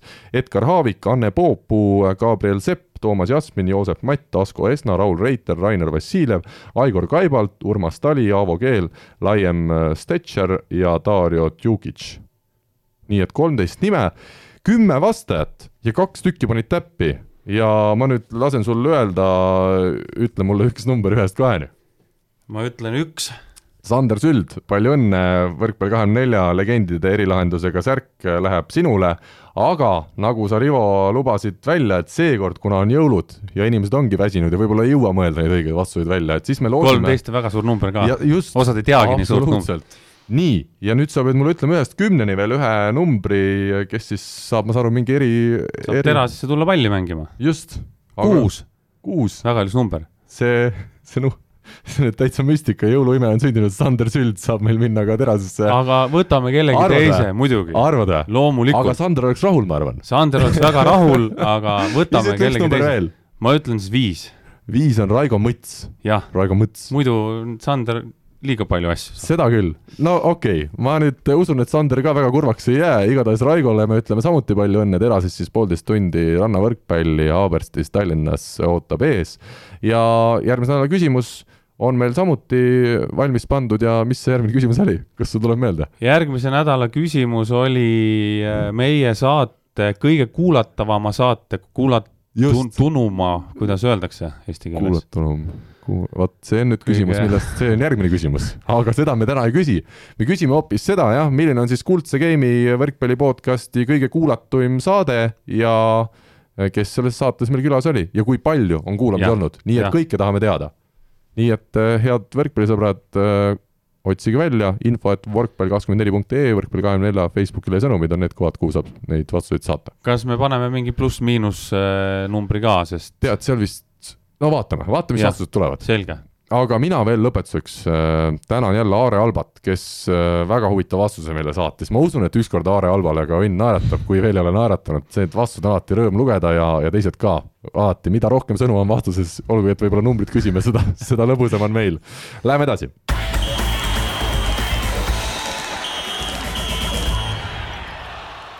Rivo, aasta võrkpallur, siis meesvõrkpallur on meil jäänud veel välja kuulutamata. loomulikult meie ei ole jälle need lõpliku tõe kuulutajad, aga võrkpalligrupis sai siis hääletus korraldatud, kes eelmise klubi ja koondise parim meesvõrkpallur oli hakkame viiendast kohast pihta, Gert Toobal, Eesti koondise kapten Lubini Kupromis mängis eelmisel hooajal temale kaheksa häält, Timo Tammemaa mängis Belgias ja tuli Maasseegiga, olles ühe, üks Maasseegi põhimehi Belgia meistriks ja mängis ka meistrite liigas väga hästi eelmisel hooajal, tema sai kolmteist häält ja hakkame siis kolmandast kohast äh, juba pikemalt rääkima, Ardo Kreek, Pariisi volle esiliiga võit Prantsusmaal üheksateist häält, minu jaoks üllatus, et Ardo esikolmikusse pääses. ütleme, absoluutselt hea mängija, aga, aga antud aastal oli minu arust ka lihtsalt tugevamate saavutustega mehi. nojah, e, Prantsusmaa esiliiga, e, eks see Pariisi, Pariisi volle sellel võitma pidi, et selle ülesandega nad läksid ja, ja ilm, ilmselgelt oli neil seal ka üks tugevamaid võistkondi, et e, ju ta, ju siis on Hardol Facebookis väga palju sõpru, kes hääletasid tema poolt. vähemalt kolmteist sõpra või üheksateist sõpra, vabandust, jah aga mis siin ikka, teine koht, Robert Täht Izmiri Arkasega siis Türgi liigas teine koht, meistrite liigas mängis, samuti oli meeskonna põhimees ja tema siis sai kuuskümmend kaheksa häält. kuidas me Robbie aasta lühidalt kokku võtame? Robbie aasta oli ju iseenesest väga hea, et äh, pääses siis absoluutsesse maailma tippklubisse Itaalias on ju, ja ma arvan, et see häälte häälte tulemus praegu natukene kajastub ka selles, et Robbie pole saanud äh, see aasta nüüd nii palju mänguaega kui esimese koha mees et.... kuigi jah, me valisime siin eelmise klubi ja koondise hooaja paremaid, aga eks see on ta, eks ta mõjutab, mõjutab. ikkagi praegu see, mis, mis praegu nagu uudistest läbi käib rohkem, et äh, aga ei, Robbie tegi igati korraliku hooaja ja Robbie on liikunud äh, seda teed, mida, mida talle on ennustatud ja, ja mida ta peaks ka tegema, et vaikselt, väikeste sammudega järjest ülespoole. ja esimene koht siis Oliver Venno Istanbuli Galatasaray'ga võitis äh, Türgi karikavõistlustel hõbemedali, Türgi liigas pronksi ja CEF Cupil äh, hõbemedali, sada kaheksa häält, Äh, ja nagu sa ütlesid, eks ilmselt selle tänavuse hooaja hea algus on ka siia natukene mõned hääled juurde andnud. mina ütlen päris ausalt, et siin ka ajakirjanikel kästi lausa võib öelda valida neid aasta parimaid võrkpallureid, äh, tuli, tuli kuri kiri Toomas Varalt, et kus on minu see valik, mulle ei meeldi neid ennust-, mitte ennustusi, vaid valikuid väga tihti teha, sest jube keeruline on võrrelda neid. aga kui ma õigesti mäletan, siis mina panin vist Täht üks, Tammemaa kaks ja Venno kolm ja põhjendus oli see, et ikkagi Täht võitis Türgi liigas parema medali kui Venno, mängis meistrite liigas jah, Venno küll sai CEF Cupil hõbemedali, aga, aga kokkuvõttes me vaatame, oli tähemeeskond erinevalt venna omast Euroopa kahekümne parema hulgas ja, ja oli just ka põhimees selles meeskonnas, kus ta mängis, et see oli põhjus, miks ma Roberti valisin ja noh, koondises ka ikkagi oli tema osa suur, olgugi et koondis ise väga edukas ei olnud. Tammemaa jälle sama põhjus, kuna erinevalt vennast mängis meistriliigas hästi, tuli veel Belgia meistriks ka, ma saan aru, et Belgia meistrivõistlused kindlasti maailma kõige tugevam sari ei ole, aga rohkemat seal Maassegil saavutada ei olnud võimalik ja Tammemaa individuaalselt tegi hea hooaja ja Venno siis kolmas oma kõigi nende tiitlitega, mis ta, mis ta võitis tead, see, need valimised on tõesti väga rasked siin igasugused valimised, mis siin toimuvad, et äh, tore on, et neid tehakse, igalühel on oma arvamus äh,. see nimekiri, mis sa mulle nagu ette lugesid praegu ja sinu see edetabel on ju, siis mina isiklikult mul on ainult hea meel, et meil on nii palju mängijaid, kes teevad tulemusi. ja me ei ole maininud Rene Tepperit, kes Belhatovis ka vedas ju eelmisel hooajal meistrite liigas poolfinaali, olles ise absoluutne põhimees seal nendes üksikutes mängudes, mis ta ilma vigastuseta mängida sai. jah, täpselt ja, ja mis, mis näitab veel kord seda, et egas need edetabelite valimised ei ole nüüd maailma kõige täpsemad ma paneks need kõik mehed äh, ühe pulga peale, ei hakkakski kedagi nagu sinna ettepoole või tahapoole tõstma, et jah äh, ja,, kui meil oli kunagi, oli selline aeg Eesti võrkpallis, et oli ma ei tea, Oliver Venno ja Raimo Pajusalu mängisid välismaal ja siis tuli valida, et kumb neist nüüd parem on, eks ju. siis küll, aga täna on neid, noh, nii palju neid mängijaid, et et kuidas sa siis võtad ära sellesama äh, Belgia meistritiitli on ju ja ütled, et see on nüüd parem ja meistri, kuidas sa neid võrdled, et need on, need ongi. On, ongi nagu raske võrrelda. ja kui me mõtleme, et võrkpallis on raske võrrelda, siis kujutame veel ette, kui me tõesti neid aasta meessportlasi ja naissportlasi peame valima, kus on täiesti erinevad alad ja ongi võrreldamatud täiesti, noh, seal on, seal saab ka ainult subjektiivne olla nii samas on sa,, samas seal on nagu selles suhtes lihtsam, kui sul on keegi olümpiavõitja, kui sul on keegi maailmameister ja, ja, ja teine on maailmameistrivõistlustel teine siis on ilmselge tulemus. no aga kui meil naiste, aga meil tulebki jälle see teema, et meil naistekoondis jõudis EM-ile, see oli juba suur saavutus, aga, nad ei see... saanud mingit medalit aga, ju. aga Karl, aga Nii. see ei ole tulemus. see ei ole tulemus ja ma ütlen veel kord, nii kaua, kui Eesti Vabariigis minnakse lennujaama vastu inimestele, kes jäävad, saavad olümpiale, jäävad seal seitsmeteistkümnendaks, nii kaua me ei tulegi tulemuseni. no aga meil on tulemusi tulnud ka ikkagi ju tegelikult. aga see tuleks ära lõpetada, see ei ole sportlase peas, mina tulin olümpialt tagasi, ma olin viimast, mul häbi, mul oli reaalselt häbi, sest aga- ma läksin sinna, ma tahtsin teha tulemust, mis on tulemus. ma tulin tagasi, mul oligi häbi. ma ei tahtnud kedagi näha seal kuradi ma lennujaamas. no aga see on teistmoodi, kui mina olen jälle sportlane, kes ma olengi, ma ei tea, me laua, paneme selle edetabeli Jah. kokku selle järgi, et kellel on raskem midagi teha või No, kellel on. aga see on subjekt, sul ei ole kuskil kirjas seda, mida sa pead hääletama, selles ongi probleem. minu, minu jaoks on see nagu see edetabeli kokkupanemine on umbes selline praegu, et, et nii, kuule, aga et sul on kaugushüppevõistlus on ju, kaugushüppevõistlus, üks mees läheb, hüppab kaugust üheksa meetrit, ühe, hüppab üheksa meetrit, teine mees hüppab kuus null viis. Ja siis see kuus null viie mehele pannakse esikoht puhtalt sellepärast, et tal putsad olid halvemad või tal oli raskem treenida, ta pidi üles mäge jooksma trennides. see ei ole normaalne. Tulemus no, on kuidas see, mis näitab. aga sa siis ütled, et no ükskõik, keegi jõuabki meil EM-ile koondisega, et siis seda ei saa üldse treenerit ei saa kuskil kandidaatide hulka panna, kuna ta ei saavutanud midagi või? miks, saab ikka, kandidaatide hulka saab ju panna, okei, igasuguseid asju, aga Aga- kui sul on seal kõrval, kui sul on seal kõrval mees, kes tuleb äh, laskesuusatamises koondisega tuleb äh, EM-il üheksandaks ja, ja, ja sul on mees, kes tuleb jalgpalli või korvpalli EM-il kahekümne neljandaks, kumma tulemus parem on? ma ei tea, kumma tea. tulemus on parem? üheksas koht on parem jaa, kui kahekümne ma võin neljas. sulle nii öelda, et laskesuusatamise EM on nii tagasihoidlik võistlus, et seal see üheksas koht sa pead jälle panema selle nagu mingis, mingi asjaga suhtesse. Ehk siis ei olegi mõtet valida üldse. ei no aga mina Siis ei saagi nagu aga see on, midagi öelda. aga see on igavesti subjektiivne valik. see on igavesti subjektiivne, sest üks ütlebki, et näed, Andrei jõudis naiskonnaga EM-ile, mitte kunagi varem meile jõudnud, kuigi mina olen nõus, et paarkümmend aastat tagasi meil olid ka naised väga heal tasemel, kui oleks kakskümmend neli naistkonda sinna pääsenud, võib-olla me oleks samuti pääsenud, aga ikkagi ta tegi midagi, mida keegi ei ole saavutanud ja selle materjaliga, mis tal oli käes, see oli võib-olla maksimumtulemus. Võib-olla see oligi jälle nii-öelda-, jälle jah. siis tulebki see situatsioon, et äh, me valime selle, kellel oli midagi raskem teha, mitte selle, kes ja. tegi midagi ära. no aga ta tegi ka midagi ära ju, jõudis EM-ile, see on, ma saan aru, ma saan aru, see on Si- vaatajate küsimus. siis si,, ja see on ja siin ja siit tuleb minu küsimus. kui me räägime EM-ile jõudmisest, miks ei olnud Argo Arakut treenerite nimekirjas? miks ei olnud äh, seda Indrek Verrot, kes on Mart Tiisaare ja Kusti Nõlvaku treenerid, kes jõudsid EM-ile, jäid täpselt samamoodi viimaseks nagu naistekoondis. kas see ei ole tulemus? ju siis ei hinnata seda nii kas see oli lihtsam? vot, ei, ma arvan, et kusjuures võis olla lihtsam küll. ai, ma nüüd lähen vastu rehaga igale poole astuma pihta. nojah, aga naiskond ei ole, no aga EM-il sina oled mänginud, Kristjaniga oled EM-il mänginud. ja vaata, nüüd tekibki see situatsioon, aga see on tavaline, siis ei ole enam tulemus. no aga on, aga esimene kord ongi eriline noh.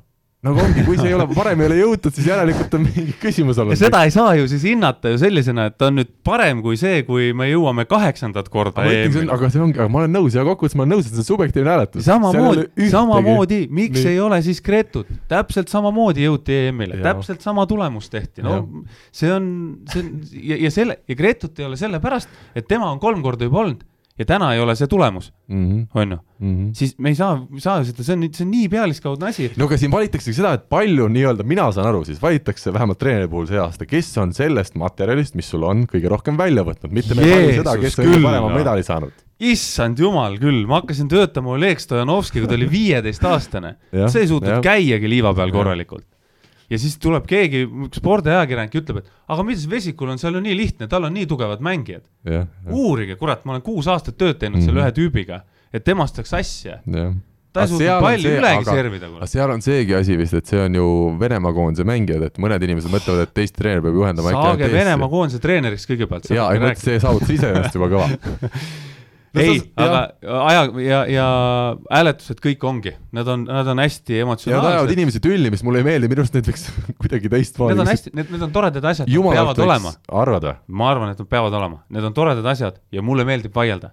mul ei ole mitte midagi selle vastu, et Andrei Ojamets, Tõnis Sildaru, Tustit, jah, kes iganes, jah, tuleb aasta, mul ei ole mitte midagi selle vastu Jah.. Mulle jõhkralt meeldib vaielda. ja seda küll, ja sellepärast sobibki siia saatesse. mulle väga meeldib vaielda sellel teemal, see on põnev, see on minu jaoks huvitav, sest igal inimesel on oma vaade mina lihtsalt jään, jään selle asja juurde, et siin on nii palju erinevaid kriteeriume, mille järgi valida Ongi. seda parimat ja, ja, ja ongi sul on keeruline ka. jumala õigus, jah ongi., jah, et tegelikult kui sulle antaksegi, ma ei tea, no võtame Itaalia, kes on praegu maailma parim võrkpallikoondis, no Poola on vist maailmameister, eks ole. ütleme, sa saad Poola, Poola sa saad koondise saad, kes on maailmameister, ma usun, et eh, kui mina seal eesotsas oleks, võib-olla me ka ei jääks EM-il viimaseks, võib-olla me oleks Eestist ikka kõrgemal, kas ma olen siis parem treener kui Kretsu, ei ole ja ju siin, tegelikult. ja siin, Karl, me Nii. jõuame sinnamaani et sa oled juba siis parem, kui sind võetakse Poola koondise treeneriks. sellega ma olen nõus, just, just just, aga sa ei vali mind parimaks ikkagi, kui ma saan selle Poola keelviimase koha EM-il. sa ei Mina ei vali ju mind, no vot, mina ei valiks No ma ma, ma valiks teiseks hästi. või kolmandaks.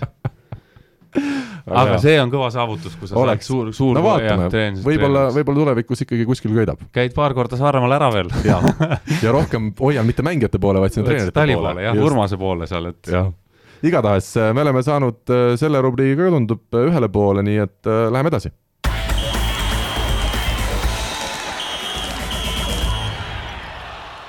Saate teine osa on algamas ja millel me nüüd pikemalt peatume, peatume tulevikul ja üks asi, mida me oleme Rivoga siin pikemat aega mõelnud, miks ei ole Eestis võrkpallis tähtede mängu ja ega me täpset vastust vist ei teagi või? Äh, jah, ei teagi ja võimalik, et see on kuidagi mingisugune vandenõuteooria. vandenõuteooria või, või on, tead, tead, mis selle taga võib olla? Selle taga võib olla see, et meil ei olegi iga aasta nii palju välismängijaid, kellega teha. võib-olla üks asi. jah, jah, teine asi on äh, jälle noh, aeg, millal seda teha, on ju, Mhm. sest täna, kui mängitakse kolm ringi ikkagi, ikkagi seda Balti liigat, siis seda, ega seda aega nüüd ei ole seal võistkondadel käes. ja, ja kas ka huvi nii palju kas see on ka on? küsimus, sest Aga- korvpallis ju ka ei ole enam minu arust siin paar aastat tehtud, äh, ikka s- ei ole enam jah. mingil hetkel ei olnud. ka, aga vaata, siin ongi, seda ei teada, seda ei saagi teada, kui ei tee, kas on huvi või ei ole. võib-olla maru huvilised on ju Mhm., aga, aga samas jälle ei tea. Kuigi mõttena ta ju oleks tegelikult äge. kusjuures me hakkasime seda mõtlema, see on, minule tundub ka, et see oleks väga äge, eriti praegusel hooajal, tänavusel hooajal, see oleks äge värk ja, ja me ei räägi ju ainult mitte mängust, legionärid versus Eestimaa, et me räägime siin mingit servi kiiruse mõõtmine, mida seal saaks igast asju väga lahe mõelda. visuaalne värk, eks ole, kes lööb palli kõrgemale lakke võib-olla kuskilt maapõrk või põrkest, eks ole. hüppekõrgused, kõik, mis siin on. kuna võrkpall on ju väga selline mõõdetav ala selles ja, suhtes ja, absoluutselt jah. nii et peaks et selle peale võiks, võiks ju, võiks olla, võiks mõelda, aga, aga noh, jällegi selle, sellega on, mis sealt, mis tuleb välja, miks seda on raske teha, on seesama teema, et meil see aasta nimekiri, mis me valmis tegime, on päris äge, on ju, aga järgmine aasta võib-olla ainult kolm välismängijat, just, just. kellega sul siis ei olegi, siis ja, ja, ja, ja seda, seda nagu seda tähtede mängu samas ei saa ka teha nii, et sa üks aasta teed, on ju, siis jätad kaks aastat vahele, siis jälle teed, kuna on mängijad no aga samas võib ka nii olla, kui sa näed esimene aasta, et ei tule välja, ega midagi ei juhtu, kui seda ei toimu. samas võib ka teha, ma ei tea, sihuke ida versus lääs. NBA stiilis, et võttagi nagu tõmmata Eesti kaupa. pooleks, on ju, Mhm, ja siis- võistkondade kaupa. kogu võistkond on äh, Lääne ja siis teisel pool on Tartu jah, jah, jah, ja seal võib-olla Kordas on siis ka, pääseb sinna Tartu poolele mängima. no kuidagi ära jagada midagi. või siis sama, või siis näiteks teha sama, noh, Läti-Eestiga koos, on ju. Mhm. Eesti All Stars mängib siis Läti liiga. aga Lätis on nii vähe huvi, mulle tundub selle võrgu vastu, see on lihtsalt. nad saaks nii kehva võistkonna kokku, et seda võib teha. teha. teha ju Eestis jah, seda, aga no kas jah, jah, mõte aga mõte, mõte on väga hea, mõttekoht on igal juhul olemas, et äh, tead, ma vaatasin juhuslikult, pakkus mulle internet jälle Facebookist, et scroll'id nii nagu ikka hommikust õhtuni, eks ole, õhtust hommikuni, pakkus kahe tuhande, ma ei tea, kas esimese või kahe tuhande kolmanda aasta NBA tähtede mängu, kus seal viimased minutid mega ägedad, see oli Bryant versus Iverson põhimõtteliselt. ja no seal oli ikka, käis kõva andmine, kogu meeskond mängis kaitset, mitte nagu ma siin viimasel aastal oleme harjunud nägema, et täiesti mõttetu on see, lihtsalt libisevad üle põranda ja siis keegi paneb pealt ja siis tuleb teiselt poolt täiesti mõttetu mäng, visatakse kakssada punkti mõlemad võistkonnad. no aga seal, seal on teine asi, seal on ju kogu see, see tähtede mäng on Show nagu siis nagu, nagu, jah. selline, see, see, on kogu selle Allstar Weekend'i mm. -hmm. kulminatsioon on ju, seal on kõik need ruukide mängud ennem on ju, noorte mängud, siis on pealtpanevõistlused, kolmevõistlused, seal on terve nädalavahetus pulli ja siis tulevad lõpuks mm, -hmm. näidatakse no, aga superstaari ma ka. mõtlengi, et see ei ole nagu nii eriline, et kui ma mõtlen äh, nüüd võrkpalli, siis võrkpalli sa ei saa nii mängida, et sa ei saagi. sa pead ikka täiega mängima jah, ja, ja selles suhtes ma saan aru, et klubide juhid kindlasti praegu võtavad peast kinni, et jumal hoidku, et siin kurat parim mees läheb keset hooaega katki, eks ole, võib-olla mängus aga iseenesest vaadata, kuidas mängiksidki legionärid versus Eesti, see oleks minu arust väga huvitav. ja, ja see võiks äh, ikkagi tuua ka selles suhtes publikut saali, et ikkagi Eesti on ju välismaa vastu. just, just, just ja see tõmbaks rohkem kui Eesti-Läti, ma arvan isegi, kuna Läti ei ole praegu nii suur seda küll, bränd nagu. seda küll, jah. aga hakkame pihta, võtame legionäride meeskonna esimesena ja peatreener, siin on ainult üks valik, Alessandro Biroli, Tallinna Selveri peatreener, itaallane, juhendanud siin või olnud siis abitreener statistik Venemaa tippklubides aastaid, aga nüüd esimest aastat peatreeneri rollis. Ja ma arvan, et selle peatreeneri taha siin küll midagi väga ei jää ilmselt mitte jah, kogemusi on ja, ja, ja, ja nagu me ütlesime, ka see aasta on valikut päris kõva. on, aga hakkame minema, sidemängija, meeskonna arhitekt siis väljakul, mina arvan, et siin saab olla praegusel hetkel küll ainult üks valik, Reto Kiiger, Saaremaa võrkpalliklubi. kindlasti. Ja on, on väga hästi mänginud see aasta, see hooaeg või noh, esimest korda, kui ma teda näen, et mm -hmm. täielik üllatus oli, hooaja algul oli vähe rabe, aga praegu paneb järjest paremini, et jaa, ilus on vaadata tema mängu ja, ja tundub tõesti, et äh, tema see mees peaks väljakul olema. kes on teised mehed sidemängijatest, kes siin legionärid tänavusel aastal mängivad Eesti liigas? Artis Saiks ja Damjan Šetovitš. noh, Saiks on sealsamas Kiigeri selja taga väga-väga kindlalt seal selja taga, ei ole sealt väga palju välja piilunud ja Šetovitš on veel noor mees ja, ja ütleme, siin on selles suhtes hea, et Šetovitši saab tuua servima vahe, vajadusel ei oskagi midagi nende kummagi kohta öelda, sest Artist pole näinud mängimas ja. üldse see aasta, seda Äh, Poola poissi ka ei ole, et äh, et noh, see, selle, selle koha pealt on ilmselt valik väga lihtne peatreener mm. -hmm. aga samas ikkagi Saiks on valmis, ma arvan, tulema. jaa, muidugi, Saiks on alati valmis, ta on, ta on kõva mees. ja nurgaründajad, äh, meil on siin valikus täpselt kaks meest, Javier Jimenez Saaremaalt ja Igor Duarte, vigastatud mees Pärnust, et ütleme seal see, seal vaadata seda hooaja esimest poole, poolt, siis ei, sealt nurgast väga palju punkte vist ei tuleks, pigem servi vastuvõtu vigu tuleb sealt õnneks on jälle diagonaale nii palju, et sealt saab vahetada igasuguseid, eh, panna nurka mängima. aga nüüd ongi küsimus, kas me jätame Jimenez ja Duarte sinna või me toome sealt diagonaalidest Marcel, Stockton, Schmidl ja Plataks, kes neist kõige rohkem vastu võtma sobib? ma arvan, et Plataks, kas Plataks ei ole mitte mänginud eh, Võimalik. nurka ka kuskil Lätis? võimalik no igatahes Schmidl tundub liiga suur, Stockton ei tundu väga vastuvõtumees kuidagi mulle. ja aga... ikkagi, ikkagi ma arvan, et Plataks on täna diagonaalidest äh,, on ta kõige nõrgem nendest ka vist statistika järgi, kui me natuke siin vaatasime, siis kõige tugevam oli Schmidl, on ju. viiskümmend protsenti rünnak. okei okay., nii et siis äh, me paneme Jimenez ja Plataks hoopis, siis arvestades, et Duarte on praegu vigastatud ja pole ennast Duarte jääb pingi peale, pingi peale. jääb äh, sinna vigastud, jah, nüüd tuleb leida talle hea füsio, kes teda seal mängu ajal siis nagu hooliks sedasi, et oleks ikka mõte mängule tulla. nii, ühesõnaga Jimenez ja Plataks lähevad meil nurka ma nüüd kardan, et Andrei Ojamets võib-olla kohe pärast saate lõppu ärakuulamist helistab, ütleb, et tegelikult on Stockton maailma parim nurgamees ja vastuvõtja, aga aga, aga väga hea, siis me saame ka teada selle, sest äh, täna me seda ei tea. ja diagonaalina siis meil on suur valik, kas Massiel, Stockton, Schmidl või Plataks, Plataksi me lükkasime juba nurka, nii et jäävad kolm meest alles, minu valik läheks ikkagi Massielile. hetkel Eesti tugevamas klubis mängib ja, ja mängib stabiilselt hästi. jah, ma, mina võtaks siit Massiel ja, ja Schmidl. lausa nii, jah? Marcel pea, põhis ja Schmidl pingi peal, et äh, Stockton on, on kuidagi ebastabiilselt see hooaeg mänginud äh, ja ei ole nagu, ma, mäletan teda eelmise, oli eelmine aasta, kui ta mängis ka, eks ju, üle-eelmine aasta, siis ta oli nagu vähe selline teravam. et see aasta ei ole ta veel, veel jõudnud, aga, aga noh, hooaeg veel noor, et jah, see ebastabiilsus kohati ta mingis mängus tõi siin, ma ei tea, seitsmeteistkümnest tõstes neliteist lõi vist maha, aga, aga jah, teine ja, mäng jälle on täitsa, just, et Maciel tundub praegu kõige stabiilsem mees ja seetõttu meie valikusse läheks ja ütleme siis võtame tõesti Smidli äh, teiseks diagonaaliks ja laseme Stocktoni Austraaliasse minna selleks tähtede mängu ajaks, et saab koju. et tal ka midagi head, et see on lihtsalt niisugune positiivne jälle tõuge, mitte midagi halva pärast ja nüüd meil on libero koht ja meil ei ole ühtegi liberot ju Eesti liigas äh, välismaalast. nii et siin on variant, kas tuua näiteks äh, Saiks või Seetovits, üks sidedest näiteks, või siis tõmbame Stocktoni liberoks või Vigase Duarte. siin valikut tegelikult jagub. tegelikult samas, miks mitte Duarte, kui ta, ta hüpata ei saa, siis ta ju liberona ilmselt mängib ja. koha välja ikka. just, et siis läheb Duarte hoopis. jah.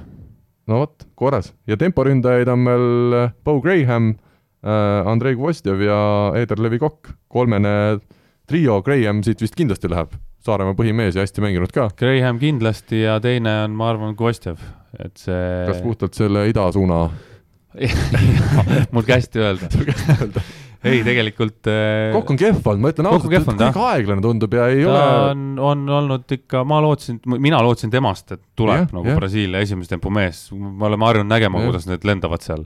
aga me saame nüüd lõpuks aru, miks ta siin Eestis maandunud on, et seal on ilmselt mingid selged põhjused ikkagi, et see põlvetrauma on kas piisavalt tõsine ja ta ei ole sealt suutnud välja tulla või igatahes me loodame, et ta läheb paremaks. Kvostjevil on okei serv, rünnakul saab hakkama, plokis on ka enam-vähem mm, Mhm. -hmm. et äh, üsna, üsna stabiilne vend. jah, ja siis äh, poole show'l saate näiteks sina ja Kostjev saate, mitte poole, mingi game'i järel saate mingit äh, venekeelset Võidu- võidu anekdoote rääkida. näiteks, jah.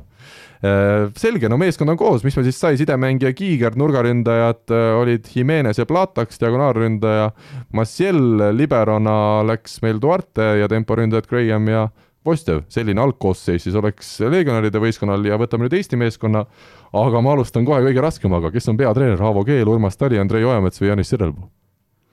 see see on niisugune nimi, nimekiri, et siit kui kedagi välja ma jätad jät-, jät-, jätan vastu, ma jään vastuse võlgu. teeme siis neljane vasta sina, no kuidas me võtame eelmisest aastast, on ju, Afga oli meister, jah, jah, Aavo oli meister äh,.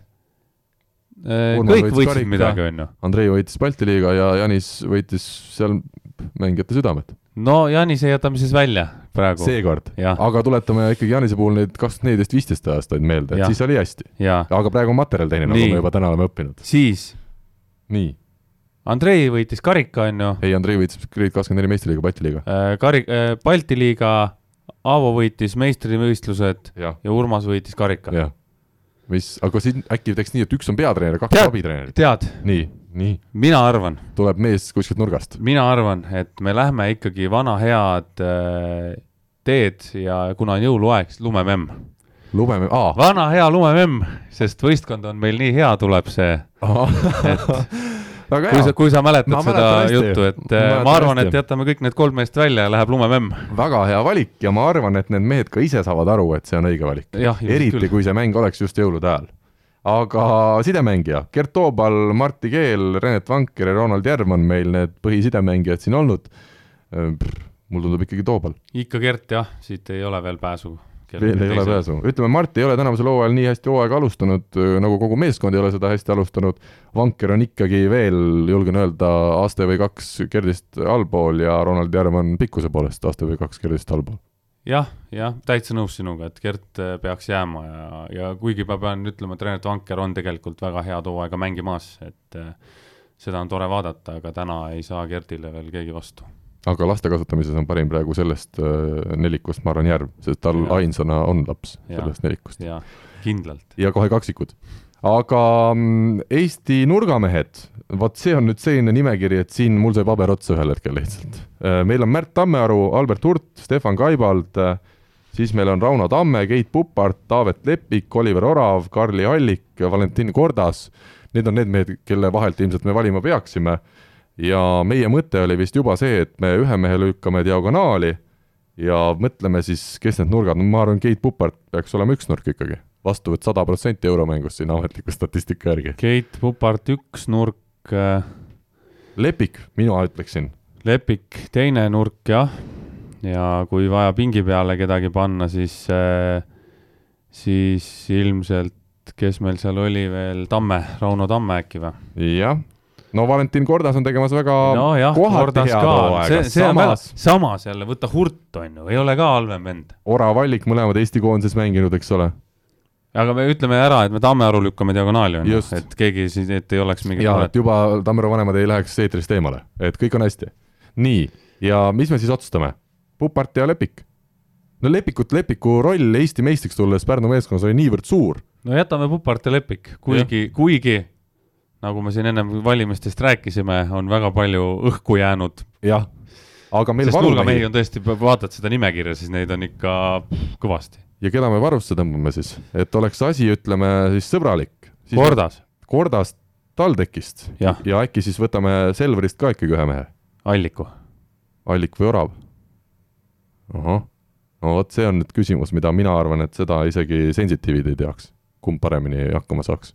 no võtame Orava, võtame hoopis Orava, võtame Orava, jah. selge, puhtalt sellepärast, et nimi on hea või kogemustega mees. kogemustega jah, niisuguses mängus on vaja kogemusi. on väga, seal on väga vaja. ja miks mitte ka IT-teadmisi näiteks, kui ja. näiteks mingi hetk läheb elekter ära, meil on mees olemas.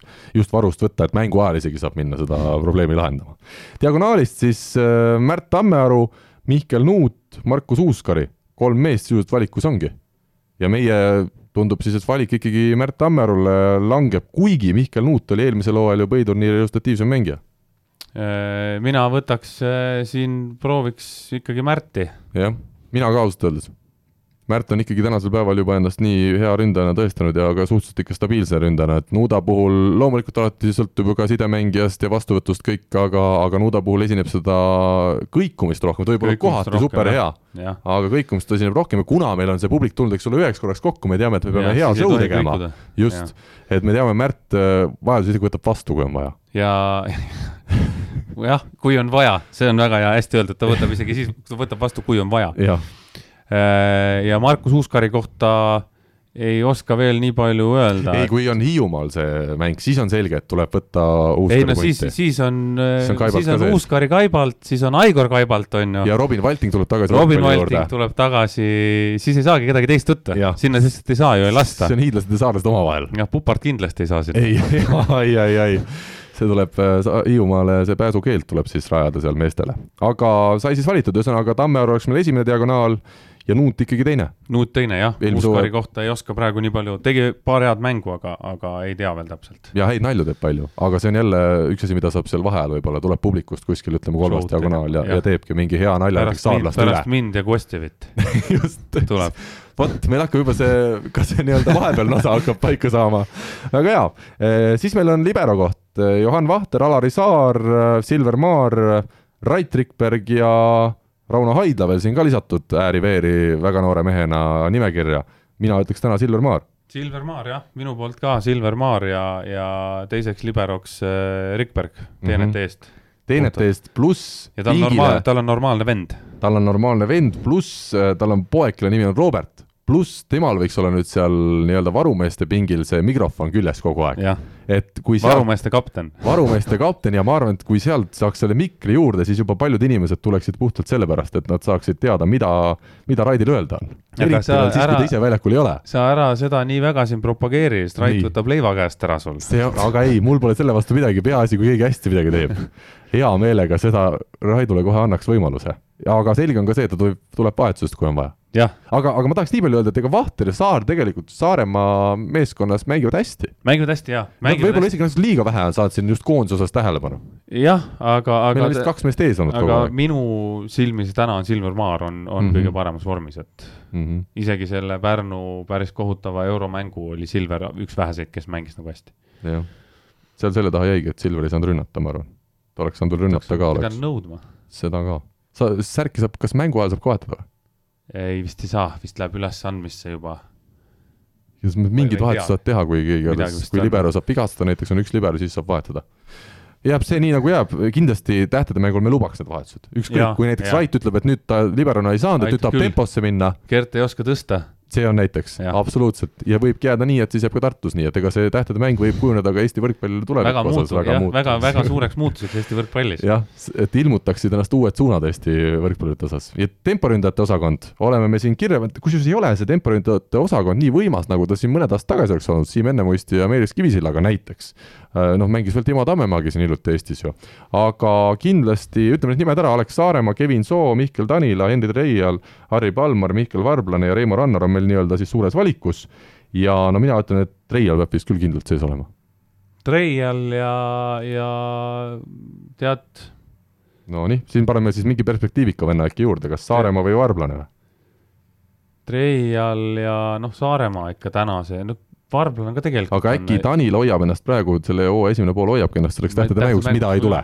võimalik, mida ei tule ühesõnaga, aga kumb sulle tundub? ma, ma, mina läheks, ma läheks Henri Treial, Alex Saaremaa ja ping, pingile võtaks äh, selle. nii äh,, Varblase ja, ja, ja, ja Kevin Soo. Kevin Soo ka, puhtalt peapaela pärast või on seal muid asjad ka? Kevin Soo ja, ja ütleme, Mihkel Varblane on kaks sellist meest, kes väga nagu välja ei paista, on väga maru kasulikud. jah, nõus. Nad teevad äh, väga palju kasulikku tööd, nad ei ole mingi põmm-põmm, pall maha ja näpud püsti, on ju, aga, aga nendest on väga palju kasu ja ka see on tähtis, et Toobaliga koos on ju Saaremaa ja tegelikult ka Soo mänginud just sel hooajal, et see oleks kohe hea tähtede mängule, sul on sobivad vennad, et no Raiduga ka on ju, kui Rait läheb ja, sideks mingi hetk, siis, siis on korras. nii et meil jääb siis Treial ja kuidas me siis leppisime, Saaremaa? Treial Saaremaa põhis, Varblane ja, ja siis äh, Soo varus. väga hea, nii et meeskond on koos, loeme veel korra selle ette teile äh, peatreener on siis Lumememm, sidemängija Gert Toobal, nurgaründajad olid meil Keit Pupart, Taavet Lepik, diagonaalründaja Märt Tammearu, libero Silver Maar, temporündajad äh, Alex Saaremaa ja Henri Treial ja sellise meeskonnaga siis vastamüüni mindaks. kumb võidaks selle võistka-, mängu? Eesti. Eesti võidaks, jah? ma arvan küll.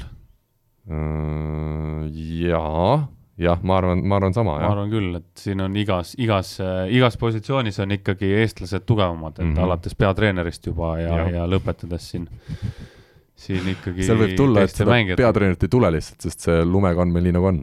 seal võib see asi muidugi tulla. nojah, noh jah, noh, saab, ma, ma usun, et saab, saab., ma arvan, et tuleb kohale selleks ajaks. hästi, ja ja ma arvan, et siis on hästi lõpetada, kindlasti ka Urmas Tali esineb seal ülesastega nii-öelda muusikalise ülesastega, sest me, meie ei hakkaks võtma mingit Liis Lemsalut või Ivo Linnat, see oleks, meil on oma mehed olemas. jaa, meil on täiesti olemas äh, hea hinna ja kvaliteet on paigas. ja ka Mait Maltis on meil olemas tegelikult. on, on olemas. tervitame teda siinkohal aga läheme siis saate täiesti viimase osa juurde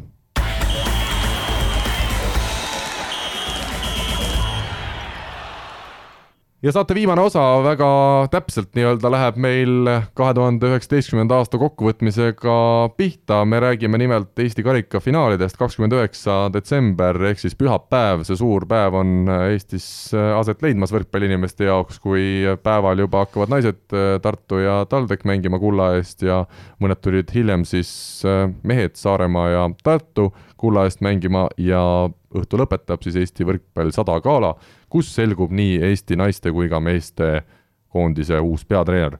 võtame naiste finaali ennekõike, TalTech Tradehouse on selles mängus favoriit, seda ka Marko Mett, naiskonna peatreener, ütles ja siin ei ole vist kahtlust, samas Tartu on viimasel ajal oma mängu kõvasti paranenud, parandanud ja arvestades, et tegu on ikkagi Eesti paari viimase aasta valitsejaga, siis ma usun, et siin võib minna see mäng huvitavaks, aga ei pruugi Tartu on tõesti läinud paremaks viimasel ajal, aga minu jaoks on küsimus selles, et kui hästi nüüd suudab TalTech oma seda niinimetatud favoriidikoormat kanda.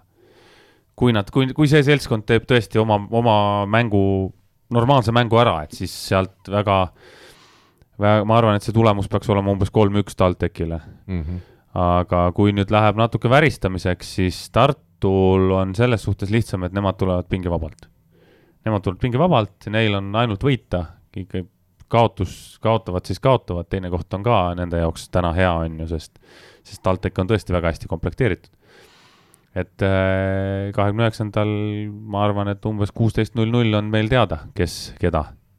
ja mina ütlen nii, et äh, kui me räägime siin mängijatest konkreetselt, siis mina arvan, et Kristel Moorist sõltub selles finaalis väga palju, kui Kristel Moor mängib oma taseme välja, me nägime, kui hästi ta suvel koondise eest Kertu Laagi puudumisel mängis siis mulle lihtsalt tundub, et äh, Tartul jääb, jääb võimu väheseks. et muudes asjades seal võib vaata, et kummal võistkonnal parem päev on, aga kui Kristel Moor ikkagi oma taseme välja mängib, siis, äh, siis see TalTech on liiga võimas. samas me teame, et nii Julia Mõnnapmäe kui ka Moor õpivad siis TalTechis ülikoolis ja, ja käivad veel õhtuti koolis äh, just trennide ajal tihti ja see kokkumäng ei pruugi olla parim, aga, aga jätkuvalt ma olen jah sellel meelel, et Moor, Moor teeb oma ära ja TalTech peaks siit kulla võtma jah, kui nüüd midagi ei juhtu kuskil, siis, äh, siis tõesti, Kristel Moor on täna Eesti liigas ikkagi tasemelt teistest üle ja mm, -hmm. ja tema, tema paljuski otsustab selle tulemuse. Äh, kuskilt käis mingi jutt läbi, et Julia Muinakmaal on mingi kerge vigastus. ei ole, ei ole., see ei olnud jah okei okay,, selge, siis. meil tuleb ka vahel vale, valeinfot sul sisse. sihuke jõulu. see on jõuluinfo, see on jõuluinfo ühesõnaga jah, ma arvan, et TalTech peaks seekord võitma aga mida ma veel ütlen, mida ma naistele paneksin südamele, kui ma ei tea, palju need kuulavad meist, mõni ikka äkki kuulab, nautige seda. Saku Suurhall, ilmselt on publikut korralikult, äh, see on selline sündmus, mida ja.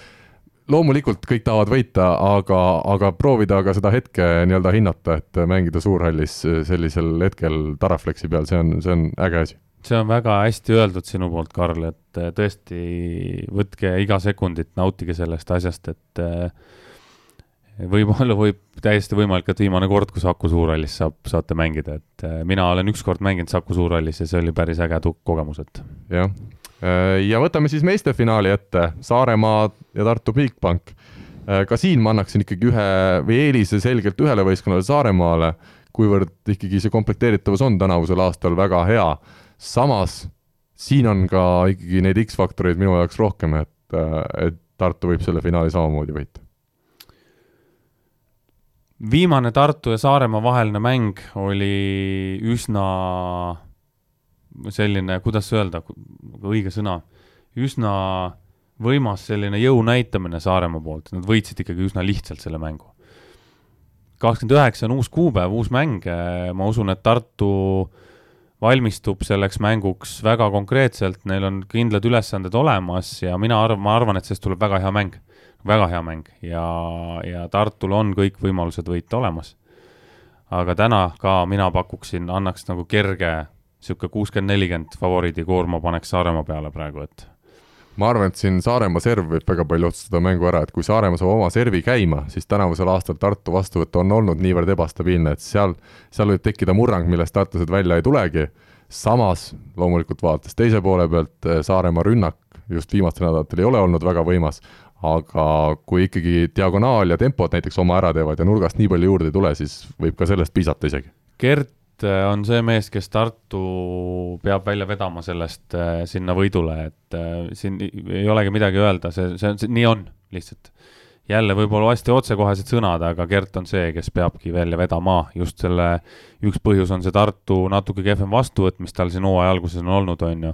Et kui Gert suudab nagu need ära parandada sealt, siis, siis on Tartul kõik võimalused olemas aga rünnak on muidugi Tartul hea, Albert Hurt ja Märt Tammearu ennekõike just meie oma noortest meestest on ju hästi mänginud ja võib-olla isegi üllatavalt hästi mänginud. no Rünnaku. jälle taaskord äh, tuleb Nii. see vana hall pea seal ette võtta ja, ja ma ja. usun, et kui Gert ei oleks seal võistkonnas, siis ei oleks need numbrid ka nii suured, et Mm -hmm. ma ei taha Gerdist teha mingisugust imeinimest või imemeest, aga täna ta on Tartust pool võistkonda, et siin ei olegi mitte midagi öelda. ja küsimärk on Tartu puhul see, kas Mihkel Tallinna mängib või ei, sest selge on, et Kevin Soo saab sellisel tasemel kenasti hakkama, kuigi tal on väga võimsad ja suured tempomehed seal teisel pool võrku vastas, aga kui nüüd Alex Saaremaa peaks mängima, siis noh, see saaks meeletult huvitav olema vaadata, noor mees sisuliselt visatakse mm -hmm. esmakordselt edasi vette, kas ronib välja või mitte, aga Mihkel Tanil oma kogemustega võib-olla ikkagi antud hetkel veel annaks, annaks rohkem juurde. samas jah, ei tea. Saaremaa on mänginud korralikult. on, ei tea, vaata ei oska selle koha pealt öelda, ei tea ka, mis seis on Mihklil on ju, et kuidas tal seal äh, tervisega on, aga äh, ma, ma ei usu, et selle taha midagi jääb, ma arvan, et äh, selle mängu otsustab nurgaründajate rünnakuprotsent jah, okei okay., kui me Saaremaa see on minu arvamus. kui me Saaremaa meeskonnast räägime, mida siit veel lisada, kas just see nurgameeste küsimus ongi see kõige suurem hetkel või? Äh, jah, ma arvan küll. Saaremaa tõesti, ta on, mängib väga nagu servi pealt, et nii kui pauku tuleb, siis neil on lihtne ja kui ei tule, siis neil on raske, et mm -hmm et Keit ka siin viimased mängud väga nagu rünnakule ei hiilganud, on ju, et ta vastuvõttu hoiab, aga, aga ei ole see, see mees, kes nüüd kõik ära lööks, et aga, aga noh, karikfinaal, seal on Keit Pupart on ühel pool, kes on super tema kogemustega vend, on ju, ja tema suudab, ma arvan, neid mänge, tähtsaid mänge mängida hoopis teistmoodi. Gert äh, samamoodi on ju, suudab endast panna veel väikese protsendi juurde, mängida veel paremini, samas karikafinaal äh, Albert Urda jaoks on ju, kes, mis on tema jaoks põhimõtteliselt esimene selline. Äh, Tammearu, kes on täna võistkonna liider, kes peaks ka nagu vedama, eks ju. kuidas nemad vastu peavad, kuidas peavad vastu äh, kubakad mehed Saaremaal, kelle jaoks on see ka ikkagi tähtis, on ju seda näeb jälle kahekümne üheksandal. jah, et Kuubaka jaoks võib-olla ju puhtalt see, et kui ta karikafinaalis peaks olema algkoosseisus hästi ei mängi, siis võib-olla ta peab uut klubi hakkama otsima, eks. samal ajal kui Tammearul ja nendel on see küsimus, et selline, sellises olukorras esimest korda oleks. ma arvan, et Saaremaa hakkab Tammearut otsima serviga. no kindlasti jah, kindlasti. Märt on olnud see aasta kõige sellisem ebastabiilsem nendest, et aga keda Tartu peaks sihtima? Tartu peaks Pupartit kindlasti mitte? ei, siis seda kas Jimenez või siis Tamme või? Jimenez't jah, pigem mm. -hmm et või siis noh, liberod on neil ikkagi nii head, et äh, pigem Jimenest. ja huvitav on näha, kas Saaremaa, kas Urmas Tali nüüd pärast seda eurosarja mängu jätabki Rauno Tammi jälle mängu, nii nagu ta oli siis Iisraeli klubi vastu kordusmängus algkoosseisus, või ta ikkagi proovib Jimenest, et äh, see on jälle, olles asja sees, see on meeletult huvitav jälgida, et kuidas Urmas Tali otsustab selliseks mänguks, kas tõesti kuubakas jääbki pingile? no vaatame, eks see veel kord, kahekümne üheksandal äh, kell, mis kellast see mäng hakkas, viiest? midagi sellist oli, jah on, on näha, et äh, tulge kõik Saku Suurhalli. ja ülekande kommenteerijatele soovin edu, et kui Saaremaa peaks tegema Saaremaa nõrgaks, siis, siis see sõnade kasutamine, see saab olema päris huvitav, kui Saaremaa ründab, ründab nii hästi, et Saaremaa jääb medalita või tähendab kullata aga Rivo, mis me ütleme siis aasta lõpuks kuulajatele, meil hakkab saade läbi saama, pea kaks tundi on räägitud, saate ajaloo pikim saade, nii nagu eeldasime, on tulnud ja, ja nii sai ka seda planeeritud. Jääb üle siis äh, oodata, et see karikafinaal tuleb äh, finaalide vääriline, et tulevad kaks head ja põnevat mängu ja kõrgetasemelist mängu, et uued peatreenerid oleks sellised, äh, kelle üle me saame rõõmu tunda ja ja ütleme, uuest aastast on meil palju oodata. Jah, uuest aastast läheb äh, ju kõik medalimängud tulevad ja, ja asjad, et tõesti on palju oodata ja, ja võistkondade kuulu järgi siin ikkagi Pärnu tahab veel komplekteerida ja asju, et seal järgmises aastas võib tulla päris palju üllatusi. aga mis, soovime head vana aasta lõppu kõigile. jah ja kahekümne üheksandal Saku Suurhalli. no see on kohustuslik, ükskõik kus Eesti otsas oled. siis tuleb tulla kohale ja vaadata, sest võrkpall on ilus mäng, tore mäng ja koha pealt saab palju paremini aru, kui ilus see mäng tegelikult on. absoluutselt nii nii et meie täname kuulajaid, ütleme, et Kuldse Game'i saade kindlasti jätkub uuel aastal, jätkub sama hooga, kuigi Rivo ütles, et võib-olla sama hästi ta ei suuda enam esineda, vanus tuleb peale. aga mina usun, et me saame sama hooga, hooga edasi mindud, aitäh teile, et olete olemas olnud iganädalaselt ja soovime tõesti ilusat aasta lõppu ja juba veel paremat järgmist. Eesti kõige põnevamad podcastid on Delfis, kuula tasku.delfi.ee